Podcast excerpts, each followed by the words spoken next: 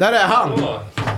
Hallå, hallå! Tjenare! Tjena, välkommen! Så, ja. Fan, första gången vi ses här. Hallå! Radde. Fan. Äntligen! Ivar. Kul att se dig. Kul att ses. Du, ser, du ser ut som eh, på bilderna. Precis.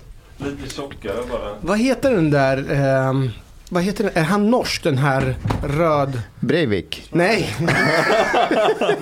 men vad heter han? Han den här i... Han, jag tror han har varit... Tormund Giants Bane i Game of Thrones, är det han du tänker på? Han, är det han samma som har varit med i Beck också eller? Ja, exakt. Ja, vad, vad hette han den här artisten? Jag vet inte vad han heter. Men du... Jag har, jag har, eh, vi har samma grej när han, han har, vi har sett honom utan skägg. Ja, ja. Och då ser man ut som Ja. eh, babyface. Ja jag nej, det jag rakade av mig skägget för ett år sedan. Det är en korsblandning mellan att vara, viking och arab. Vet du vad jag hittade igår, Ivar? Nej?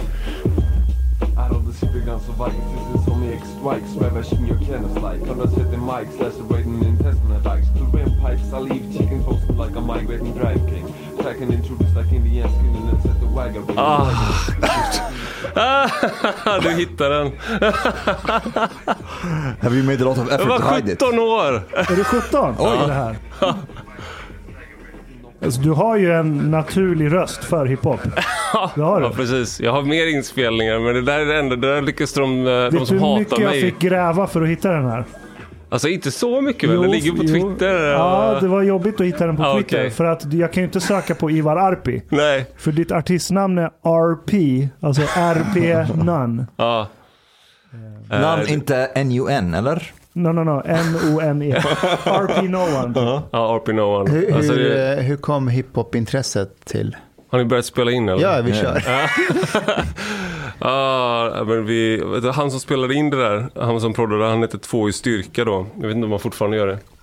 Ja, spelar vi in? Ja, ja. Ja, vi Ja, kör. vad fan, han heter Två i styrka och jag tror att det har att göra med ehm, eh, för att man i, i rollspel så typ kunde man bara ha minst tre i styrka. Alltså var det minimala. Men han var så svag. Så han hade två i styrka. Ah, poetiskt. Ja, så han var liksom ännu svagare än liksom det minsta man kunde vara. Eh, så vi satt i hans liksom föräldralägenhet och spelade in det där. Men sen, är han ju, sen blir han ju någon sån här battle rapper liksom. Ah, vad heter Eh, han idag? Elaborated Madness, är det också någon som är med i den? Eh, nej, det är låten som heter så. Ja, det är nog, det är nog låten som heter För så. låten var ju ändå uppe på, eh, vad var det, Mocka Mecca och Svendetta. Det var ändå tunga hiphopforum på den tiden. Ja, just det. Ja, Jag hängde på WoW. Oh, eh, wow, just det. Och sen var det lite så internationella grejer och sånt. Men här- vad är han heter nu? E-boy? E-boy. Ja, vad är han heter? Ehm, han heter E. Han kallar sig själv... ehm, han, han går med sitt vanliga namn nu. Erik någonting. Einar. Erik Lundin. Ja, oh. Ehm, Han är ju grym. ja, vi, vi bildade en grupp tillsammans eh, i slutet av 90-talet. Jag, han och två till. Eh, och den, en av de andra vann eh, så här, P3 Guld, Årets nykomling. Eh, men- jag var ju liksom, jag var, jag var eh, snäppet ö, så här, över kanske de i, i rang i, i liksom min eh, ordboksrappande. Ah. så vi hade en grupp så här, svenskar på ett eh, så här, underground forum och så gjorde vi battles och liksom sånt där. Så Ivar, in a, in a parallel universe, you're Swedens Eminem, eller? Ja, exakt. eh, ja, men det är egentligen ganska, alltså man, man övar ju på att dissa folk så mycket som möjligt. Och, och sen gör det, man läser deras texter och så bara ser fan, hur, hur mycket de suger på olika sätt. Och sen försöker du använda det i ett rim. Det är exakt det jag jobbar med Twitter. idag. det, är led, det är liksom ledarskriveri, det är politik, det är liksom allt det där. Så det, är- det, är bara, det är bara fortsätta på samma väg liksom. Men Erik Lundin är ju grym. Ja, han är grym. Alltså, ja. Ja, men det här var ju långt innan han... Eh, alltså, det jag var en del av eh, eh, så här navelsträngen liksom innan han... Eller när han var fortfarande var en liten larv. Nu är han en vacker fjäril. Okej, vad- har, har ni pratat någonting senaste? Nej, det var länge sedan sist. Men när, när han kom till Twitter så sa jag typ tjena liksom. Men eh, vi rör oss inte riktigt i samma kretsar nu. Vet att han hade en artikel i Aftonbladet, en debattartikel som hette Erik Lundin? Erik Lundin. Aha. Han var arg på att den här Lundin Petrols, vad heter de här som borrar? Just det. Lundin Oil eller... Lundin Oil, Ja. att de använde hans efternamn i sitt oljeborrande. Aha. Ja, Alltså det var en jättemärklig artikel. Då är man jävligt article, divig. a whole article Ja. about that. Ja, och det, var, och, och det var flera Lundins. Alltså han hade fått med sig en massa Lundins. Det är som att massa Var, Kalle... var som, Anton Lundin Pettersson med där också? Jag tror det. det, är som att massa, det, är, det är som att massa veganer som heter Kalle går och liksom stämmer Typ så. kaviar Det var en jättemärklig artikel och när jag läste den tänkte jag så här. Erik Lundin, jag gillar din musik, men det här, håll dig borta från debattartiklar. I've never listened to him. Han är grym. Nej, Hans he's- uh, Abiat är grym. Eh, Annie Lööf är grym. Annie Lööf trodde ju att den låten var till henne. Jaha. Hon gjorde någon YouTube-video där hon menade så att ja, jag har gjort en låt om mig. nej. Man bara nej, inte Åh riktigt. nej. Alltså, eh, Är inte det tänk- lite narcissistiskt? fast, fast jag har tänkt på det. Ja. Alltså, Annie Lööf, det är väl 500-lappen han refererar till. Ja, det Men hur blir det Annie? Hur kommer Annie med? Då har det ju någonting med henne att göra eftersom 500 är ju röd och Annie Lööf är ju också röd. Alltså det finns man kan ju inte frånkoppla Annie Lööf helt och hållet från... Han har ju fått en fråga om det har något med henne att göra. Är han, han han visste inte ens vem det var. Typ. Ja men det säger han ju. Sen kan det, det är ju någon som har hjälpt honom. Alltså det finns ju en koppling som man inte från kan... Alltså Lööf fattar jag ju för det är pengar, det är papper. Men hur kom Annie in? Det är en bra fråga. Vad har vi på valutorna? Selma finns kanske fortfarande på 20 lappar, eller? Alltså jag har Selma ingen koll på, på de här. Det skulle kunna vara vem, vem som helst. Jo, men jag har Selma- inte, jag har inte Selma sett en finns. svensk sedel på typ jag vet inte, tio år. Fan, det är ju det. Man kan ju inte referera till personerna på sedlarna i hiphopen längre. Är Nej, just det. Är det därför det har kommit nya begrepp? Som, alltså, ja, men lax har alltid funnits, men typ kanin. Det är en mille. Ja. Ah. You know, we know what in in, uh, in Arabic in Egypt, it's the same thing. Kanin. Yeah. Ja, men det är säkert- Arnab. Vad heter det? Arnab. Ernab. Ja, det kommer det kanin? säkert därifrån Vad då. fan taskigt ord för ett så fint djur. Det är så en lugn, Kanin. mjuk, fin kanin. But, Ernab. but that's the thing. We eat rabbits. so you can't make them cute, otherwise you will not. You will starve. Du, om man hade en helt... om man lyckades med en helt kontantfri samhälle, Ja, hur skulle det påverka drogförsäljningen? ja det, det här är ju, jag pratade precis med en, eh, en kille i Göteborg som eh, eh, hans eh, lill, lillebror, och de hade suttit och eh, typ chillat i Slottsskogen och då hade de blivit rånade. Men de hade fått visa sina konton på telefonen. Så jag tror att det kontantfria samhället bara kommer göra det värre. För att du måste förnedra människor mer. Eh, det här är som Joe Rogan. Jag vill bara, lyssnarna ser inte det här nu men eh, Ashkan trycker in micken i min mun. Det är, någon, det är liksom That's det our king. fetisch. Ja. Det ska vara liksom tungspetsen ska nudda vid varje, varje S. Ja, men jag, vill, jag vill fånga djupet Ah. Den Nej, men, eh, ja. jag tror det kontantfria samhället, det kommer ju vara, alltså du måste förnedra människor mer för att få ut, alltså räcker, om, om, om du har en kniv, hallå? Hej Chang. Chang fucking frick. What's wrong with you? du, du, du vet att du har varit sen till varje tillfälle nu. Och Och du har mat. jag, jag, jag är arab. Har du någonsin sett en arab komma i tid? Nej, Well, för, actually, Omar kommer wait, but actually, the thing is, I think Shang is a little bit of like, um, how to say, Kramer. uh, no, transracial. He re- he Mm. really wishes that he's like you know someone from ISIS, an Islamist, you know, wants Sharia law. fortsätt Ivar, vad sa du? Nej men du måste ju förnedra människor mer. Alltså, det här är ingen uppmaning eller så. Men eh, om, du, om du kommer med en kniv och, och liksom vill ha pengarna så kan du säga okej men om du ger mig pengarna så händer ingenting. Och så kan folk ge dig plånboken. Men nu måste du ju så här, du måste följa med folk till bankomaten. Du måste, de måste swisha, de måste visa upp mer information. Så du måste tvinga dem till underkastelse på ett helt annat sätt. Så att, eh, jag, jag, tänker- tror det kontantlösa samhället kommer inte leda till Eh, alltså det kanske kommer leda till färre snabba rån. Men när du väl ska råna någon så ska du göra det fan ordentligt nu. Du kan inte bara gå fram och fan jag fick bara, han hade bara 500 spänn. Du bara, du har för fan 15 000 på ditt konto. Du ska swisha mig. Ja, men vem swishar man till? Det kommer ju synas Det är sant. i registret. Det är då du har Det är målvakter. då du har nio olika identiteter. Arpi. Mustafa, you asked like Hur tror, uh, du, hur tror du det går om jag skulle bli rånad? Du ser här, det är internetbanken. ja. Nu loggar jag in här. Ah, du har, Chang Frick har eh, 1,5 miljoner. Vi sitter just nu på Södermalm, så om någon är intresserad av... Eh, men jag tror, ja, du ser ut som en självmordsbombare. Det är Ja. ingen som kommer råna dig. Alltså, du ser ut som en blandning mellan, alltså en avdank, du det. ser ut som en avdankad Adidas-riddare. Lär, lär av mig. Jag kan gå runt så här du vet. En och en halv mille på Ja. kortet. Det är ingen som, för fan skulle råna mig? Ja, ja, det. De flesta sätter det i fonder, aktier. Men du har den på en ett konto som Ett du lönekonto. på. Cash is king. Did you Ja. just like uh, convert your bitcoins or? Nej, jag ska köpa den här jävla fastigheten som jag budade Just på det. på fyllan. Men eh, Ashkan, eh, kontantfri samhälle, skulle det slå undan benen lite för de kriminella? Nej, bitcoin. Det är bara köpa dem med bitcoin. Hörde ni om det här fallet med, alla alla vet väl om det fallet, Yes. där de gjorde ett miss på hur mycket det var värt och så gick det upp i värde så missade 6 miljoner. Alltså hur, hur var det det gick till? Staten konfiskerade några bitcoins av några som blev dömda för någonting. Det var väl narkotikarelaterat Mm. Narkotika. För, Och var- sen visade det sig att under tiden så har värdet gått upp på de här bitcoinsen så nu är staten återbetalningsskyldig på 13 mille. till de här- snubbarna. Jag har missat det här. Sta- Staten har aktivt varit med och tvättat pengarna. Yes. För först så dömer de för narkotikabrott. Japp. Bitcoinen används som Japp. bevisföring Japp. att, det har, att de har fått in pengar. Sen är staten med och tvättar pengarna och på ett lagligt sätt ger tillbaka 13 miljoner kronor. Avkastning! Fucking avkastning! Och kid- alltså vad fan, det måste vara den bästa affären någonsin. Absolut. Helt Jag måste sjukt. också börja med bitcoin.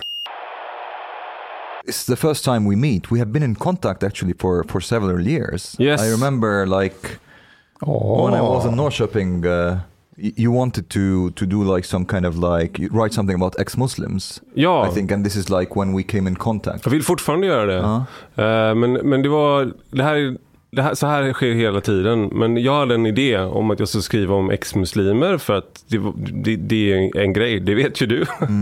Eh, och då eh, fick jag kontakt, jag tror du var precis i början, där du hade skrivit en eller två artiklar, så det var precis i början. Och sen fick jag kontakt med andra ex-muslimer, jag skulle eh, följa med, jag vet inte om det var dig jag skulle följa med, men jag skulle vara med på ett möte med ex-muslimer och liksom eh, och så försökte jag sälja in den här idén eh, till min chef och hon bara Det gick inte. det här, eh, jag tror att du får knåda den här idén lite till. But- Eh, och jag bara okej, okej, Orrenius- men då gör, jag det, då gör jag det ändå och så kommer jag ställa det inför faktum för så gjorde jag hela tiden. Att jag, liksom, jag bara skrev texten och så och så, för att jag vet inte varför, men om jag är engagerad eh, i någonting så, så, eh, så blir folk mindre övertygade. Alltså att jag, jag, jag blir aktivt frånstötande. Ja, var men det det kontroversiellt?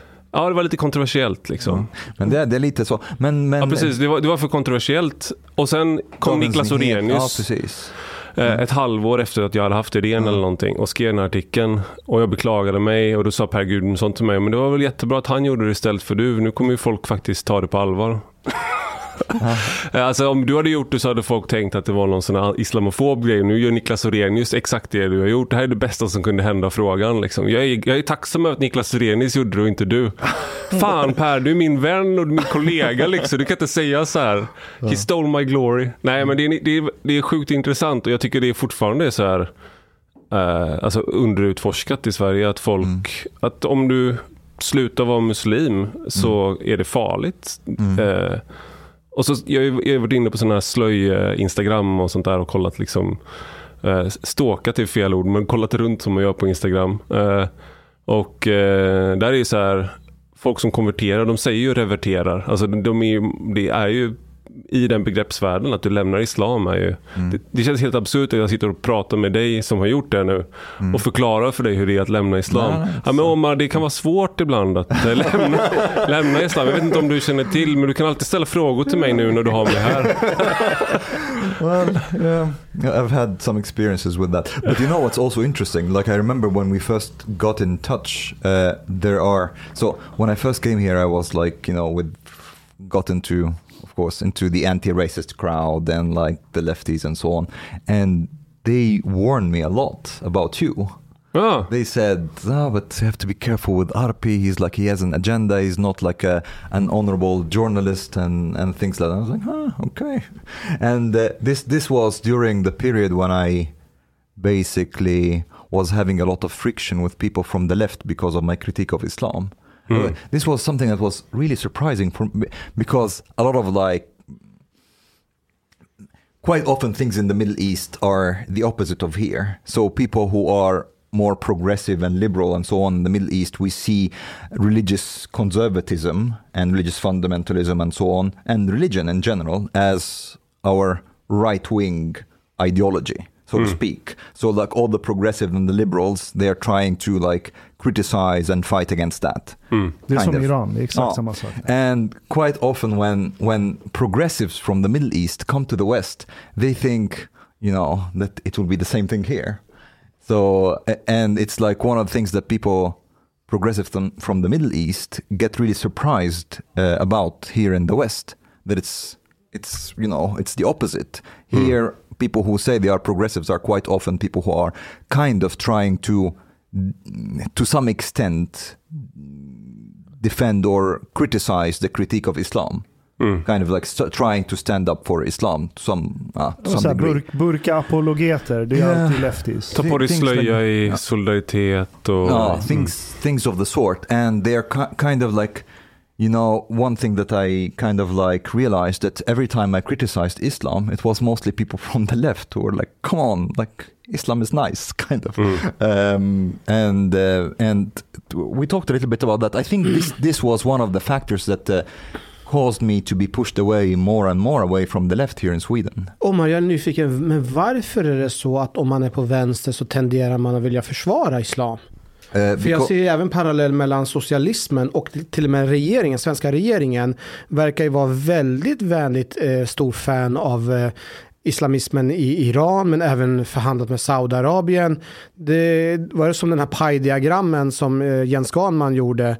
Eh, talibanerna de kan vi samtala, försöka få dem att bli genuscertifierade. Men Jimmy Åkesson kan vi absolut inte ha någonting att göra med.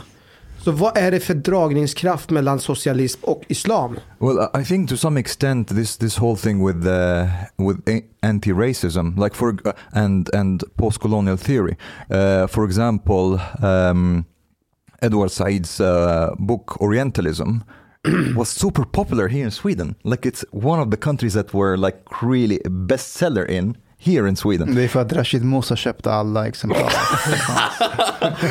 but but uh, and and in post-colonial theory there has been a process of of what I would call racialization of Islam of, of trying to to make Islam not into a set of ideas or even ideology or a religion but more like a race so if you criticize Islam then you are not a, a critique of religion you're a racist Men också att det är svaga, att det, det, det finns en eh, maktanalys. Mm. Så att eh, om, jag, om jag kritiserar islam, eller, eh, eller du för den delen också, Mm. så sparkar man på en svag grupp. Ja, precis. Det och, också.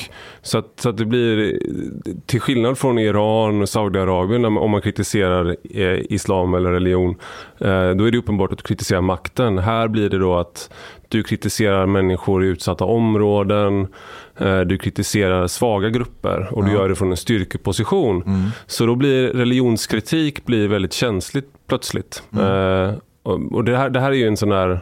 Eh, eh det blir väldigt konstigt då när man kommer från... Eh, jag tycker det är kul med Amineh Kakabaveh också som är en hardcore marxist. Men hon har missat hela den här vågen känns det som. Nu, alltså så här med att du ska... Eh, med multikulturalism och alla de där sakerna och det här med religion. Så hon kommer in och pratar om hederskultur, pratar om moralpoliser i förorten och liksom hela Vänsterpartiet blir liksom och nej, liksom, vad gör hon nu? Allierar hon sig med, med de onda högerkrafterna här? Eh, och, eh, och så måste de sparka ut henne. Eh, för, men, men hon är ju då marxist så att hon vill ju frigöra människor oavsett religion. Hon tycker religion är skit. Eh, och så vill hon frigöra människor, frigöra kvinnan. Då spelar det ingen roll om det är ett utsatt område eller om det är Afghanistan eller Iran. Utan hon, hon tror på en universell ideologi. Men det, har man, det blir så uppenbart i konflikten mellan henne och de andra i Vänsterpartiet att de har lämnat den eh, frigörelsetanken som kanske fanns eh, inom vänstern tidigare. Fast vi får inte blanda ihop marxism och socialism. Eh, för, för idén om så här välfärdsstat och lika resurser till alla, den har ju sitt frö Även vi perser uppfann den. Någon snubbe, tyvärr, tyvärr. Det var Välkommen. någon, det är en snubbe som hette Masdak. Och jag tror det var från samma Jag tror jag kände honom på gymnasiet. det finns många Masdaks i, i Sverige. Alla de har kommunistföräldrar. Men eh, eh, Masdak eh, var aktiv i, typ i samma era som Muhammad, profeten, peace be upon him, eh, växte och blev den han blev. Alaihissalam. Så, så, men visst, byggde inte Muhammad världens första välfärdsstat också i Medina? Eller någonting sånt. Det, Eh, för det finns, alltså välfärdsstatens tankegods som kommer från Mastak eh, sker parallellt som islam börjar växa och erövra. Så det finns en länk där som är naturlig. Plus det här antiimperialistiska frigörandet eh, har de också gemensamt. Så det är inte jättekonstigt att du ser hopp mellan islam och socialism. Ta folkets mujahedin. Det är ju islamistiska socialister rakt Mm, av. Det är mm. det hela den ideologin och sekten går ut på. in Mo- Islam, Folkets Mujahedin och SSU är typ samma sak. Men de har Mujahedin har vapen. Ja, ja. in Islam there is this uh, this what's called zakah. Mhm. Uh, zakat. Uh, it's Det är basically skatt. Det är yeah, samma ord. Yeah, yeah. It's like um, that's interesting. Uh, It's like uh, you have to give a certain percentage of your um, wealth or income uh, to to the poor. Det är en jättefin tanke. Ja, men, men det här är ju någonting, det här är ju agree. någonting som är med, om man ska vara sån om vi ska sitta här och prata gott om, eh, om, om islamister, så är det ju liksom eh, någonting som återkommer om man läser om eh, eh, som, eh, fromma muslimska härförare och liknande, så är det att man ofta har levt ett enkelt liv och att det där har varit en, inte alla, de är, det finns ju jättemånga exempel på så här, turkiska erövrare som är muslimer formellt men de super ihjäl sig en efter en och liksom eh, så att de inte följer, de följer inte lagen. Men det, det här är ju en, en anledning till att talibanerna har en sån dragningskraft också. Att de har ju haft i alla fall jämförelse med den korruptionen som fanns tidigare i Afghanistan. Eh, och med, jämfört med den korruptionen som har funnits nu under USA, eh, tiden med USA med, eh, där liksom pengarna pumpats in i en korrupt regering, ett korrupt styre. Och de pengarna har, har kommit till skatteparadis. De pengarna har kommit till individer. Du, när de går in i de här palatsen och filmar det och lägger ut. Det är för att visa för folk att vi, det här, så här blir det inte med oss. Eh, och det där, så det finns, det finns en sån ådra i, i, i islam men även i, liksom, i alla de abrahamitiska religionerna där eh, du att leva ett enkelt liv. Att det är, du visar din fromhet på jorden där. It's uh, yeah, it's not. Uh, of course, it's not black and white. Uh, and uh, w- one more thing, there- there's the there's there was this thing called Beit el Mal. So uh, this is like mm, literally it's house of money. So basically, you send your money to this, and like the state starts to like distri- redistribute towards like poor people and so on. But it's true, like even like the concept of like um, spending too much on on luxury and so on. It's actually very frowned upon in Islam. It's it's it's actually kind of a sin. It's called israf Mm. uh, when you spend too much. Är det frosseri? Uh, it's it's a sin, and um, and the, the thing is, um, like we spoke before about, uh, you know, people who build empires and then they reach the height and the luxury and the prosperity and they start to fall. The same thing happened also during Islam. So first they were like you know these Spartan like warriors and so on, um, living a very Spartan life, and well they were like enslaving women and so on. Yes, but uh, apart from that, um, not not yeah. But uh, then there was the Umayyads, Umayyad Caliphate, and the Abbasid Caliphate. They they became actually kind of less religious quite often. There were many of these caliphs who Det var persernas fel. um, Det var, de, tog över, de tog över den persiska kulturen och palatskulturen, slutade vara nomader, enkla beduiner Exactly, som yes. levde i brödraskap. Och så såg de persernas rike, de bara, "Haha, man kan, man kan bo i ett palats liksom. Varför ska jag vara ute i öknen och rida med mina bröder? Jag kan ha ett harem. Exactly, and then they and they started to like having poetry about wine and things like that. and- Hafiz, Omar Khayyam. Uh-huh. Men det här är samma med mongolerna. När mongolerna först dök upp eh, så var de klädda i ruttnande djurhudar. Eh, Och sen så tog de ju över hela världen. Det tog dem eh, typ tre år att ta över eh, Mellanöstern och Europa och 80 år att ta över Kina. Men sen pratade de, de var helt medvetna om det, att vi håller på att bli feta, vi håller på att supa ihjäl oss. Så de, försökte, de hade liksom en kampanj för varje generation i Kina, i Yuan-dynastin, att skicka tillbaka mongolerna, alltså deras söner, för att rida och lära sig bli mongoler. Men det misslyckades. De, blev, det var liksom, de kunde inte återuppta det som hade Det gjort var dem framgångsrika. nykterhetsrörelsen började i de. Alltså alla, alla mongolhärskare, de första mongolhärskarna, de söp ihjäl sig i princip. det är Låter samma med det tur, lite som- turkarna, turkarna som kom, alltså seljukerna som kom till Men det Turkiet, ju- som typ de här eh, som började ta över bergen och ta över liksom där. De, de söp ihjäl sig en hel del också. Det var så här, islam var fortfarande bara en fernissa för många av dem där. De kom från steppen och så fick de tillgång till saker som de aldrig haft tillgång till. Sprit och kött. Sprit, kött och kvinnor. Liksom. Så här, det, det... det- är fan inte lätt. Det är, Det är bara som, raggarbilen som fattas. Exakt. det är precis det som hände somalier i Sverige. Det är därför deras föräldrar vill skicka tillbaka dem på en resa hem. Så de går tillbaka till rötterna. Ja. Blir disciplinerade, lär sig mer om att respektera föräldrar, lyssna på dem och så får de komma tillbaka. Mm. Vi borde lyssna mer på de här somaliska mammorna som vill skicka hem sina barn. Nej, Och- men och- är, men är det inte det Sverige Jo. gör med de här ensamkommande? De skickar dem ju tillbaka. Det är en konflikt mellan äh, vad heter det, gymnasieamnestin och personer som vill skicka tillbaka dem. Va- Vänta, vänta. Men de Skicka här tillbaka somaliska dem. kidsen ska ju komma tillbaka. Exakt, de ska komma tillbaka, lära sig Ah, mer om... Ensamkommande kommer alltid tillbaka. but but but that's also that's also another thing. It depends on on in many cases they are sending them not necessarily because they want them to be away from criminality. But quite often they also think that the Swedish society has too corrupt values, and they don't want them to have the Swedish values. Uh, and the same case, like for example, with uh, girls who uh, who are sent back because they their families don't want them to have boyfriends and like or to become too Swedish and so on. Uh, Jag, jag, kan, jag kan känna en viss sympati. Vet- Alltså, jag jag, skulle, jag vill inte att mina barn ska bli för svenska heller om jag ska vara ärlig. på vilket sätt? Nej, men, eh, det är ju, vi, vi har ju en ganska pervers kultur på många sätt. Ja. Eh, nej men eh, ta... Eh, liksom, nu, nu har precis min äldsta börjat förskoleklass.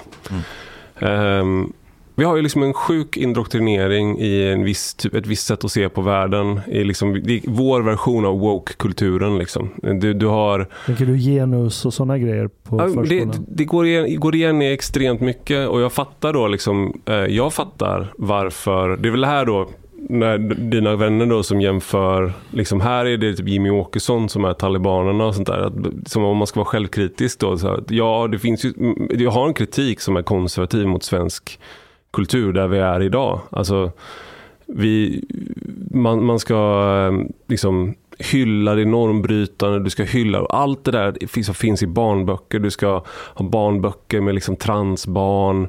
Eh, alla starka hjältar i alla barnböcker är, är flickor idag. Alltså, och på tv också på Netflix. Alltså det, det är liksom det är konstant tryck från en ideologi på alla fronter eh, som man upptäcker som förälder.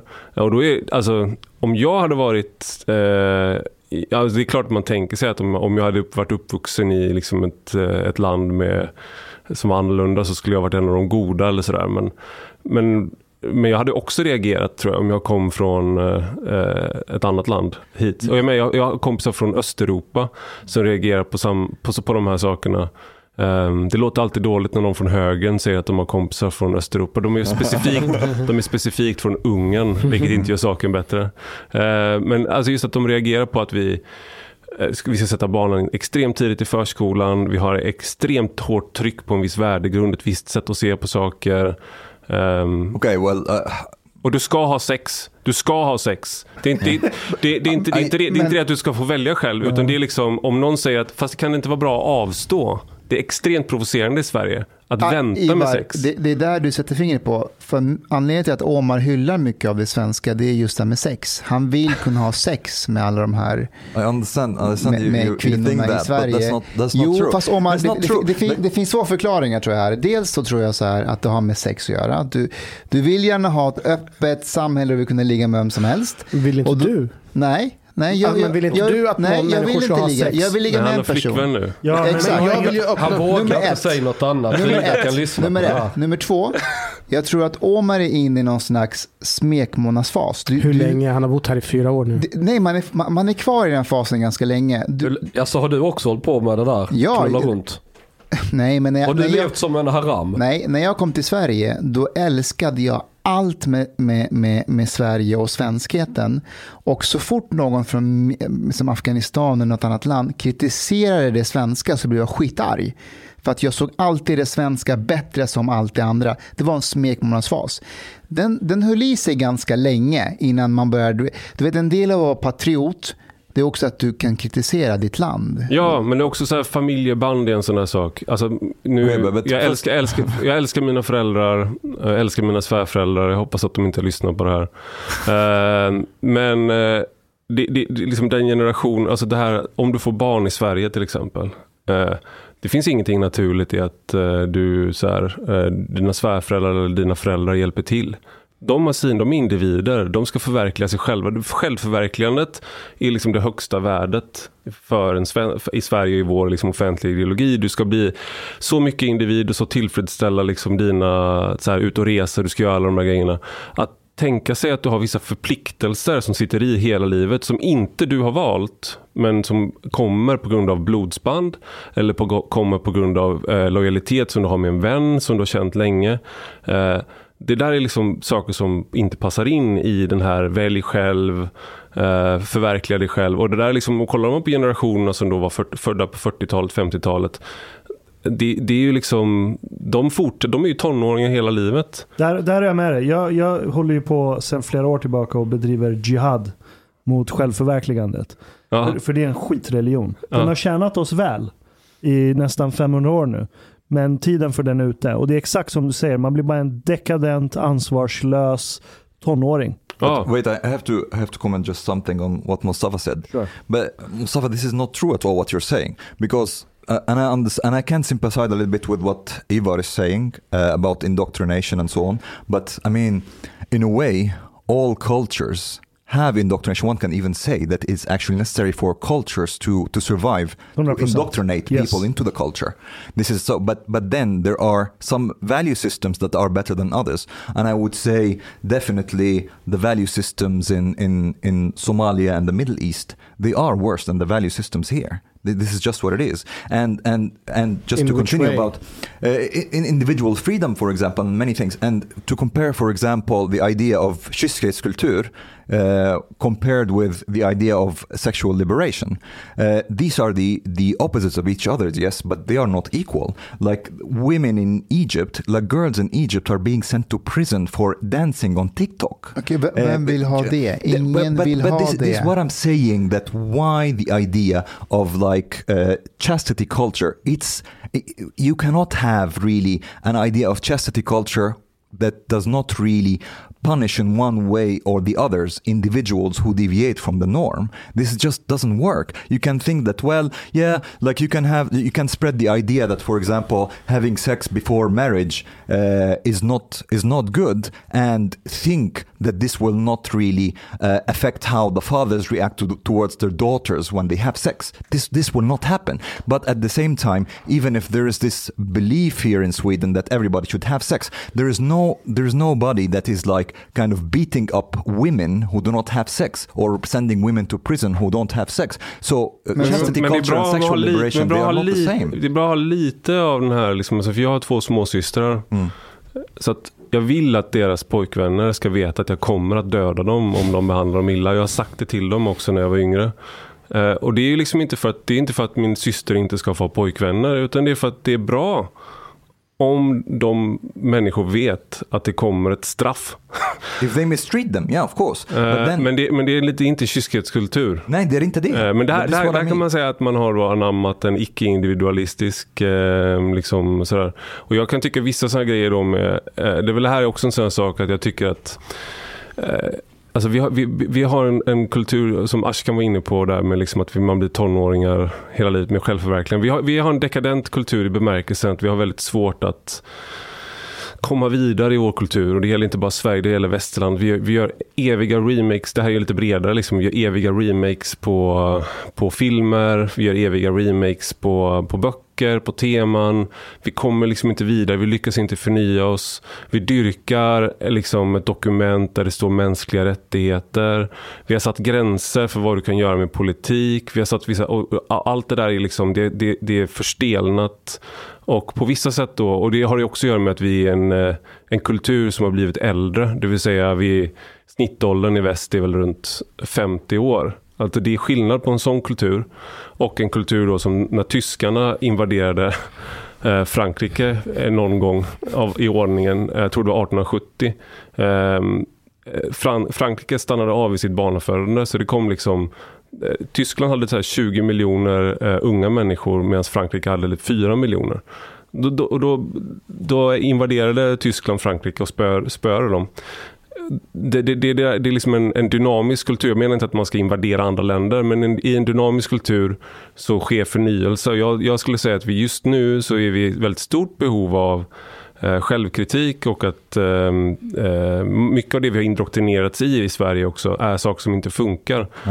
Ehm, men, det här, det innebär, inte- det här innebär, demographics inte, also. det här innebär inte att det du, jag håller med dig om det du sa med att, att, det, att det, det innebär inte att eh, som somalisk kultur är bättre än svensk. Däremot att vi inte ska eh, liksom, jag, jag tycker självkritik och förnyelse är liksom en positivt, men jag tycker inte vi gör det på rätt områden alltid. There we agree. Ehm, Det, det är en grej jag måste dubbelkolla med dig Mustafa. När du säger att så här, nej det är inte bra att ligga runt med jättemånga.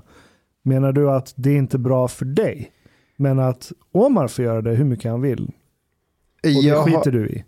Ja, ja, verkligen. Alltså, Varför har du, eh, en, varför har du en smörk i ditt ansikte? Nej, nej, alltså eh, så här. Det Jag blev lite Fast det har ju det inte jag sagt att man ska ligga runt. Eller vad man, det, jag, det jag har sagt är att, att jag... eh, vi hörde vad du sa. Jag säger att jag är tveksam till om, om, om det är så, om det är någonting man ska sträva efter att ligga med så många som möjligt. Jag tror, jag tror att de flesta i slutändan ångrar det när de har, när de har kommit till en viss gräns. Att nja, Oj. Det är väl- Inte som man Oj, oj, oj. Alltså jag, jag, tänker, Kanske jag, jag så. tänker att jag, jag, har legat med ganska, jag har legat med ganska få skulle jag säga. Eh, Ivar har du ångrat alla gånger. Ja, precis. Jag har ångrat alla gånger. Nej men, nej, men det, man har Hur många två... har du legat med då? Vad sa du? Hur många har du legat Ja, med? men I varje man så finns det två vargar. Den ena är kåt och den andra är kåt. Du är kåt. Nej, jag bara ska, nej men är, du, du har ju en, en del av en är ju att man är liksom många i alla fall. Att man är eh, som en, vad är det, Genghis khan har typ 200 miljoner ättlingar eller någonting idag. Han låg ju med hur många som helst. Så man kan säga att alla, många, må, många män har liksom någon typ av liten Genghis khan inom sig. som är liksom frikopplad, som bara, man vill bara sätta på. Man ser, och det är bara en del av hjärnan som är liksom på. Eh, och sen har man en annan del som är så här, men det är jävligt jobbigt, jag är för trött, eh, jag har en flickvän, jag har en fru, jag har en familj. Eller liksom, jag är inte så, det är inte värt eh, mödan med den här människan att lägga in allt det där. Eh, och det, liksom, man kan ju inte bara vara Djingis khan. men Det, så det, man kan ju inte Nej. bara vara... Och antag, då kom, för man har den andra sidan också som också är att man vill ha kanske, för de flesta, att man, man mår bra av att vara i en relation. Alltså män som är 50 år och singel och inte har familj. Eh, det, det, det är oftast, oftast så brukar man så hänger man sig åt fel saker då. Alltså Mm. det, det, det, jag tror pe- personligen så är det liksom en räddning för mig att jag har en fru som står ut med mig och att jag har barn. För annars hade du blivit en Genghis khan. Nej, jag hade bara, men jag tror att jag hade varit väldigt destruktiv. Och det här är liksom en sanning. Män blir destruktiva om de inte har kvinnor som håller dem i schack. Ivar, vem tror du är Genghis khan bland det här gänget? Alltså ingen av er. Nej, Nej, jag vet inte. Men det, det, jag alltså, blev själv förvånad när jag fick veta vem som är Genghis khan. Eller har varit Genghis khan. är det, Nej, jag tror inte Chang heller. eller, vem är Djingis khan? Ja, det är Ashkan tydligen. Det är Ashkan. Askan? Har Askan Ja, men- varit en häradsbetecknande? Okej. Men det är det här jag menar. Det är att en anledning till att vi eventuellt kanske censurerar det här nu. Det är för att du eventuellt träffar någon. Och då tänker jag så här. Kan man verkligen stå för hur många man har varit intim med och sen Alltså, Men varför, varför, Men varför det är problem? Ja, men För det, första, jag vet, för det första, jag vet inte var Hanif har fått sin information för Jag, andra, jag avslöjar inte mina källor. Enkätundersökningar.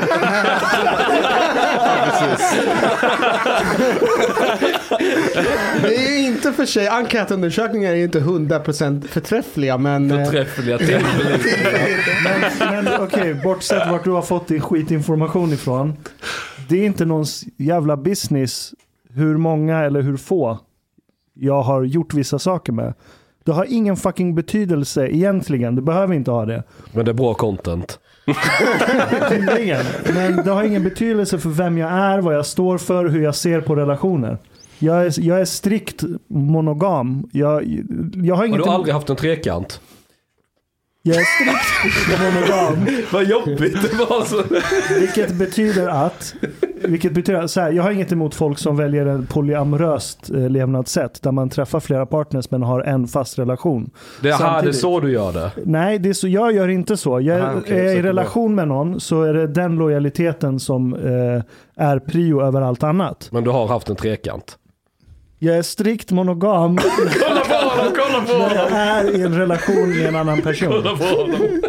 Alltså Omar, Omar, är, Omar är ju arab, Mustafa... Om, Ashkan, kan inte du berätta lite detaljer då? But wait, it's, it's like it's the same thing. Like for example, if you get in into a relationship with someone, it's the same thing. Like if you get into a relationship with someone and then you ask the girl, for example, how many men she has had sex with, and if she has had sex with like a certain number of men that you think is too much, then you don't want to be with this girl. Ja, varför då? Va, vad är problemet Omar? Uh, I don't think this. I think this is like people, So- people who do that are just insecure and idiotic. Okej, som du, vänta, vänta. Som, som du träffar en tjej Ja. och hon säger att hon har varit med 20 killar Ja. jämfört med 250 killar. Mm. Det är ingen skillnad för dig. Nej. Vänta, till och med jag har invändningar. Till och med Djingis reagerar. But why?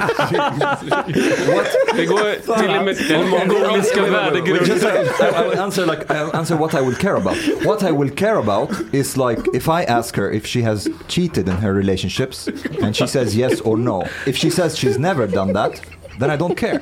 If she goes bonkers when she's not in a relationship, I don't give a fuck. Ivar, tror du att hans svar här är att, att de flesta män skulle res resonera på det här sättet? Nej. Nej, det, men det, du det, är anomalin finns, här Omar. Yeah, but why? This is also this also yeah, it's it's a valid question, but why? Vet, du, vad- vet du varför? Jag, jag tror att du... Nej, nej, I- not vänta. about me, but Nej, men- why is this a problem? Jag ska säga varför just det är ett problem, eller varför du är där du är. Och nu ska jag göra en så här hobbyanalys av dig.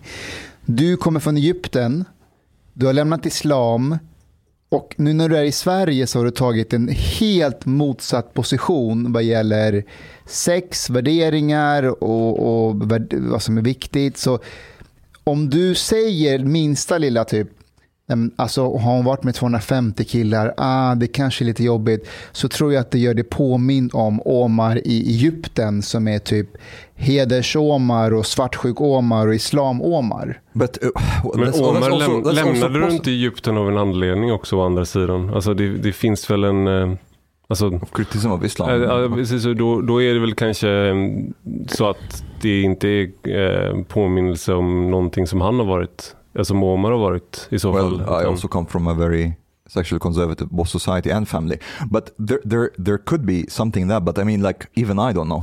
I can just speculate. But I mean, what are rational reasons to someone re- like refusing to be with or like having problems to to be with somebody who's had like many sexual relationships if that person has in all their relationships been monogamous? Men okej, vänta. Omar, loyal. lå- låt oss ko- så här. Eh, ett, jag personligen frågar aldrig någon hur många har du varit med. Jag tycker det är en sjuk fråga. Mm. Och jag... Det var någon- för att du själv inte vill svara på det. Och om någon frågar mig så svarar jag inte heller på det. Men... Men... Notera Ashkan pekar finger mot Chad just nu. Var, varför vänta. filmar vi inte det här? Jag har aldrig varit med om att. Ashkan har blivit triggad. Säg att, du, säg att du är 30 år. Kille eller tjej, det spelar ingen roll i det här fallet. Okay. Eh, säg att du är 30 år Mm. och har legat med 250 pers. Och säg att du debuterade när du var 16. Så det är 14 år av aktivt sexliv. Så det blir ungefär 17 partners per år. 17 nya partners varje år. Eh, det är liksom en ny partner varannan vecka i 14 år. Det för mig behöver inte vara, betyda någonting, men att du lägger ner så mycket tid och energi på att varannan vecka hitta en ny partner hela tiden. Nästan varannan vecka blir det. Det kanske avslöjar någonting om dig, men det behöver inte betyda någonting. Alltså, det låter som du beskriver min studenttid där. Fast det kunde nog vara fler tjejer än så på 14 dagar. How many threesomes have you had, Chang? Only one. Varför vill inte jag se Chang framför mig Men det var mest, det, alltså det var mest, det var mest Jag vill tjej- inte se någon av er. Det var mest tjejerna som höll på i sängen med va? För jag hade en flickvän och så kom en tjejpolare förbi och den tjejpolaren var lite så här, hon gillade att hålla på med tjejer också. Och så satt jag vid datorn och chattade med polare. Men då har inte du haft en trekant. Du har suttit och- du har suttit och smårunkat med två tjejer har sex med varandra. Det är inte alls samma sak. Nej, för de, de Plocka fram en trekant på datorn här och visa Chang vad det faktiskt innebär. de bad faktiskt mig komma in till sovrummet sen så... När de var klara. Vi har lämnat det här samtalsämnet. Jag vill inte höra. Öppna sängen, öppna fönstret. Nej, men jag tror, jag Eller ska jag tror, berätta om den gången jag fick betalt för Nej, nej, tjej? nej. Gör inte du det. kan få betalt för att inte berätta.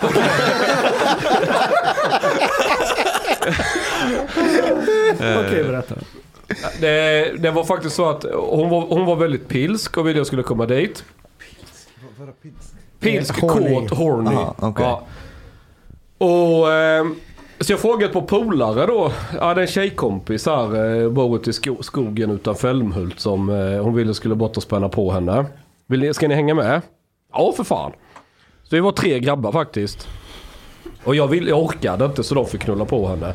Men sen så ville jag ha pengar till bensin. Så då fick jag faktiskt pengar av henne. Så jag kunde köra hem igen. Så vi fick ju betalt för att vi kom dit bara med ett syfte. Is Ja, det, är, det är en fantastisk story, Chang. Va? Det är En fantastiskt fin story. Nej men, ja, men rent tekniskt så var ju jag lite av en hora den gången. Designated driver. Nej, nej jag hjälpte nog till. Jag kommer inte ihåg om jag knullade på henne eller inte. Men jag vet att Det, Ivar, det är jag har- ingen preposition i det ordet. preposition. Det behövs ingen preposition. Vad menar du? Det- det- behövs på inte. behövs inte. På är överflödigt. det, låter, det låter liksom så... Det låter, det låter som att det, att det liksom är mer kraft. Det är som att man liksom inte kan bromsa med en med, med, så här, knulla på. Så, Oj, fan. Alltså, det är ju samma- lätt att alla andra har sex. Man har inte sex på någon. Det antyder att den andra inte är med Men liksom. har ni aldrig varit på Hultsfredsfestivalen? Jo, eller så? Jo. det har varit två Ja men då vet ni väl vilken dekadens det är där? Ja, ja. Ja. Och det är väl fullt normalt. But, uh, but Ivar, on the other hand, you are critical to niqab and burqa, for example. Ja, ja. And so on. Um, but, um, and um, I also... uh, Jag är emot kyskhetskultur. Men jag tror att Ashkan var inne på det som jag tycker är. Och det, det det här handlar om. Jag hade en kompis som gjorde ungefär sådär. Eller han hade liksom... Han, han har haft liksom upp mot tusen. Alltså, det var hans huvudintresse under studietiden. Han tog CSN för att träffa tjejer. Han var liksom på alla datingsajter, ser bra ut och sådär. Så, och sen så var han liksom, det var så här helt, helt galet. Eh, och det är andra saker i den personligheten som, så här, som, gör, som på, gör sig påminda ibland. Eh, och det är han är helt gränslös liksom. Mm. När det gäller be- bekräftelsebehov. Så kokain, alltså, alltså han bara går liksom, blir galen i perioder. Missbruk. Det är missbruk. Det är sexmissbruk. Exakt. Ja, och- det. Så, så, så att det, det, är ju någon, det är en indikation på någonting. Eh, men jag tycker inte att man blir smutsig av det. Och det är Okay, väl ja, det som är... Det är väl där, That I där, can buy. That I can Men så buy. att du sa att du tycker inte man blir smutsig? Nej, nej, jag tycker inte det man blir smutsig. Okej. Utan, men däremot så kan det vara en indikation som du var inne på, på att du har, här har du någon som har ett väldigt stort behov. Kommer jag, som en, kommer jag kunna tillfredsställa det här behovet? Eh, om, om du då har haft då 17 per år i 14 år och sen ska du vara monogam. Då finns det det, kommer mycket bli som, jävligt svårt. då kommer det vara svårt. Jag, alltså jag det finns en bara- indikation. Jag, jag måste bara tillföra till protokollet att just i det här fallet, återigen jag vet inte vart du får din smutsiga information ifrån Hanif, men eh, just i det här fallet så är jag en väldigt normal medborgare. Det, det var ingen som har frågat, det var ingen som har påstått Du kallar mig. Genghis khan. Nej, jag sa Han var i- inte en normal medborgare. Det var inte det alltså. well, during that time maybe it was okay, but uh, but uh, I, I want to just like uh, to to talk about this niqab and, and burqa Men thing. får, jag, får jag bara kommentera på det här med att, att man inte är smutsig? Jag, jag vill bara säga att man är lite smutsig.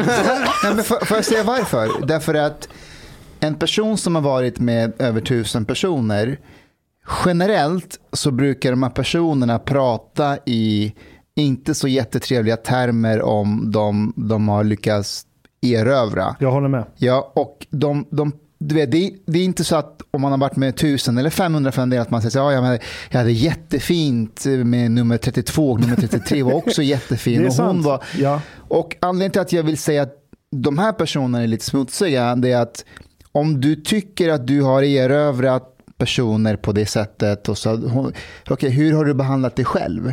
Du är, du är ju också en person som du bara har Men, liksom... men, men, men jag tror det här är också en skillnad. Det här är väl där, där jag tror att ibland att den sexuella frigörelsen framställs som en kvinno, alltså frigörelse för kvinnor.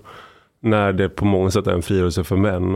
Eh, och att eh, monogamin är bättre för kvinnor än för män. Och om du kollar på liksom hur homosexuella män, att man kan kolla på sexuella preferenser, att män generellt sett i hela världen, oavsett vilken kulturreligion de tillhör, har för, vill ha mer sex, sexuell variation än vad kvinnor vill. Och du frågar människor liksom i, i naturfolk, du frågar människor i Japan, i Mellanöstern, i Sverige. Eh, och kvinnor vill inte det på samma sätt. Och det, på, alltså på gruppnivå då får man alltid lägga men, till. men det finns en viss spridning där. För kolla, till exempel jag personligen, eh, så kul med Genghis khan och så här, men jag personligen tycker inte ens om att ha sex med någon. Om jag inte har Inte en- alls. vänta, om jag inte har en emotionell koppling till den personen. Så är det helt så här skit, alltså jag tycker inte ens om det. Jag gör inte det. Och jag tillhör, och det är det som är kruxet med Homo sapiens. Det är att vi är varken monogama eller polygama. Vi är en kombo. Vissa är, jag tillhör det som kallas för eh, pair bonding species. Att jag liksom vill skapa långsiktiga band med någon som jag är med. Eh, Men det finns också de bland oss som är det som kallas för tournament species. Som är mer lagda åt att bete sig polygamt så att säga. Eh, och Omar. Jag vet inte. Ja, men Omar säger själv att han är tournament. Ja, det kanske du gör. Jag vet inte. Men, Men, det, så, det, men det, det du säger nu, det är också så som män, det är så här män eh, ska prata. Alltså jag, jag, säger, jag hävdar inte att du, att du hittar på nu. Ja. För att det, det finns en, för jag, en av mina bästa kompisar är han är liksom, vad- det är hemskt att, vad vad hemskt att vara ute med honom när man var yngre för han var liksom starkare, snyggare, eh, smartare, roligare. Alltså han bättre på alla sätt eh, än vad man själv var. Så han tog alltid all uppmärksamhet. Men han är en sån där person som just varit med extremt få och varit väldigt monogam. Eh, Men män måste övertyga kvinnor om att de är eh, liksom, de är intresserade av någonting som är tal- en, en relation. Och kvinnor kan ibland behöva övertyga män om att de tycker att det är häftigt och kul att ha ehm, eh, kort, alltså, kortsiktigt sex eller bara de är ute efter sex. Och sen så kan man göra liksom en old switcheroo. Att man bara plötsligt så sitter man där som man och, och är ihop med någon. Eller som kvinna eh, om mannen lyckas då. Och så, bara, men, eh, så blir man ghostad efter att man haft sex. Trots att den här mannen utgav sig för att vara, ja. gilla skogspromenader och allt det där. Ja men kolla, jag, jag är skittydlig med det där. Mm. Eh, personligen. Eller jag försöker vara det i alla fall. Eh, men jag tror det måste gå åt båda hållen. På tal om förnya kulturen och att vi har Mm, mm. st- förstelnat oss själva. Eh, på, sam- på samma sätt tycker jag att vi måste uppdatera kulturen i det att de som inser att de är tournament species lagda, alltså mer polygama av sig, att de också kan ha polyamorösa förhållanden utan att det ska vara något stigmatiserat eller konstigt. Jag vet flera som är i sådana förhållanden. Och det var en som berättade för mig, så jag försökte få mig att fatta hur det funkar. Han var så här, Ashkan, kolla min partner liksom kanske är borta någon natt då och då med någon annan. Men min partner kommer ändå, trots att den träffar massa andra som den kanske har sex med och gör massa saker, den kommer ändå hem till mig. Och den lojaliteten kommer du aldrig fatta. Hon kanske han. inte hittar en annan bostad. But uh, did, did you listen to this conversation? Uh, I can't remember who who, uh, Uh, it was on Sam Harris podcast, The Mating Strategies of Homo Sapiens. It skitbra. was really interesting. And uh, he was talking also about... Jag intervjuade honom i min podcast, David Buss. Yeah? Ja, så det, om, Oj. om ni vill lyssna på en intervju Ah, istället. jag- Skit i Sam Harris, tysta på Ivar Arpis intervju med David Buss.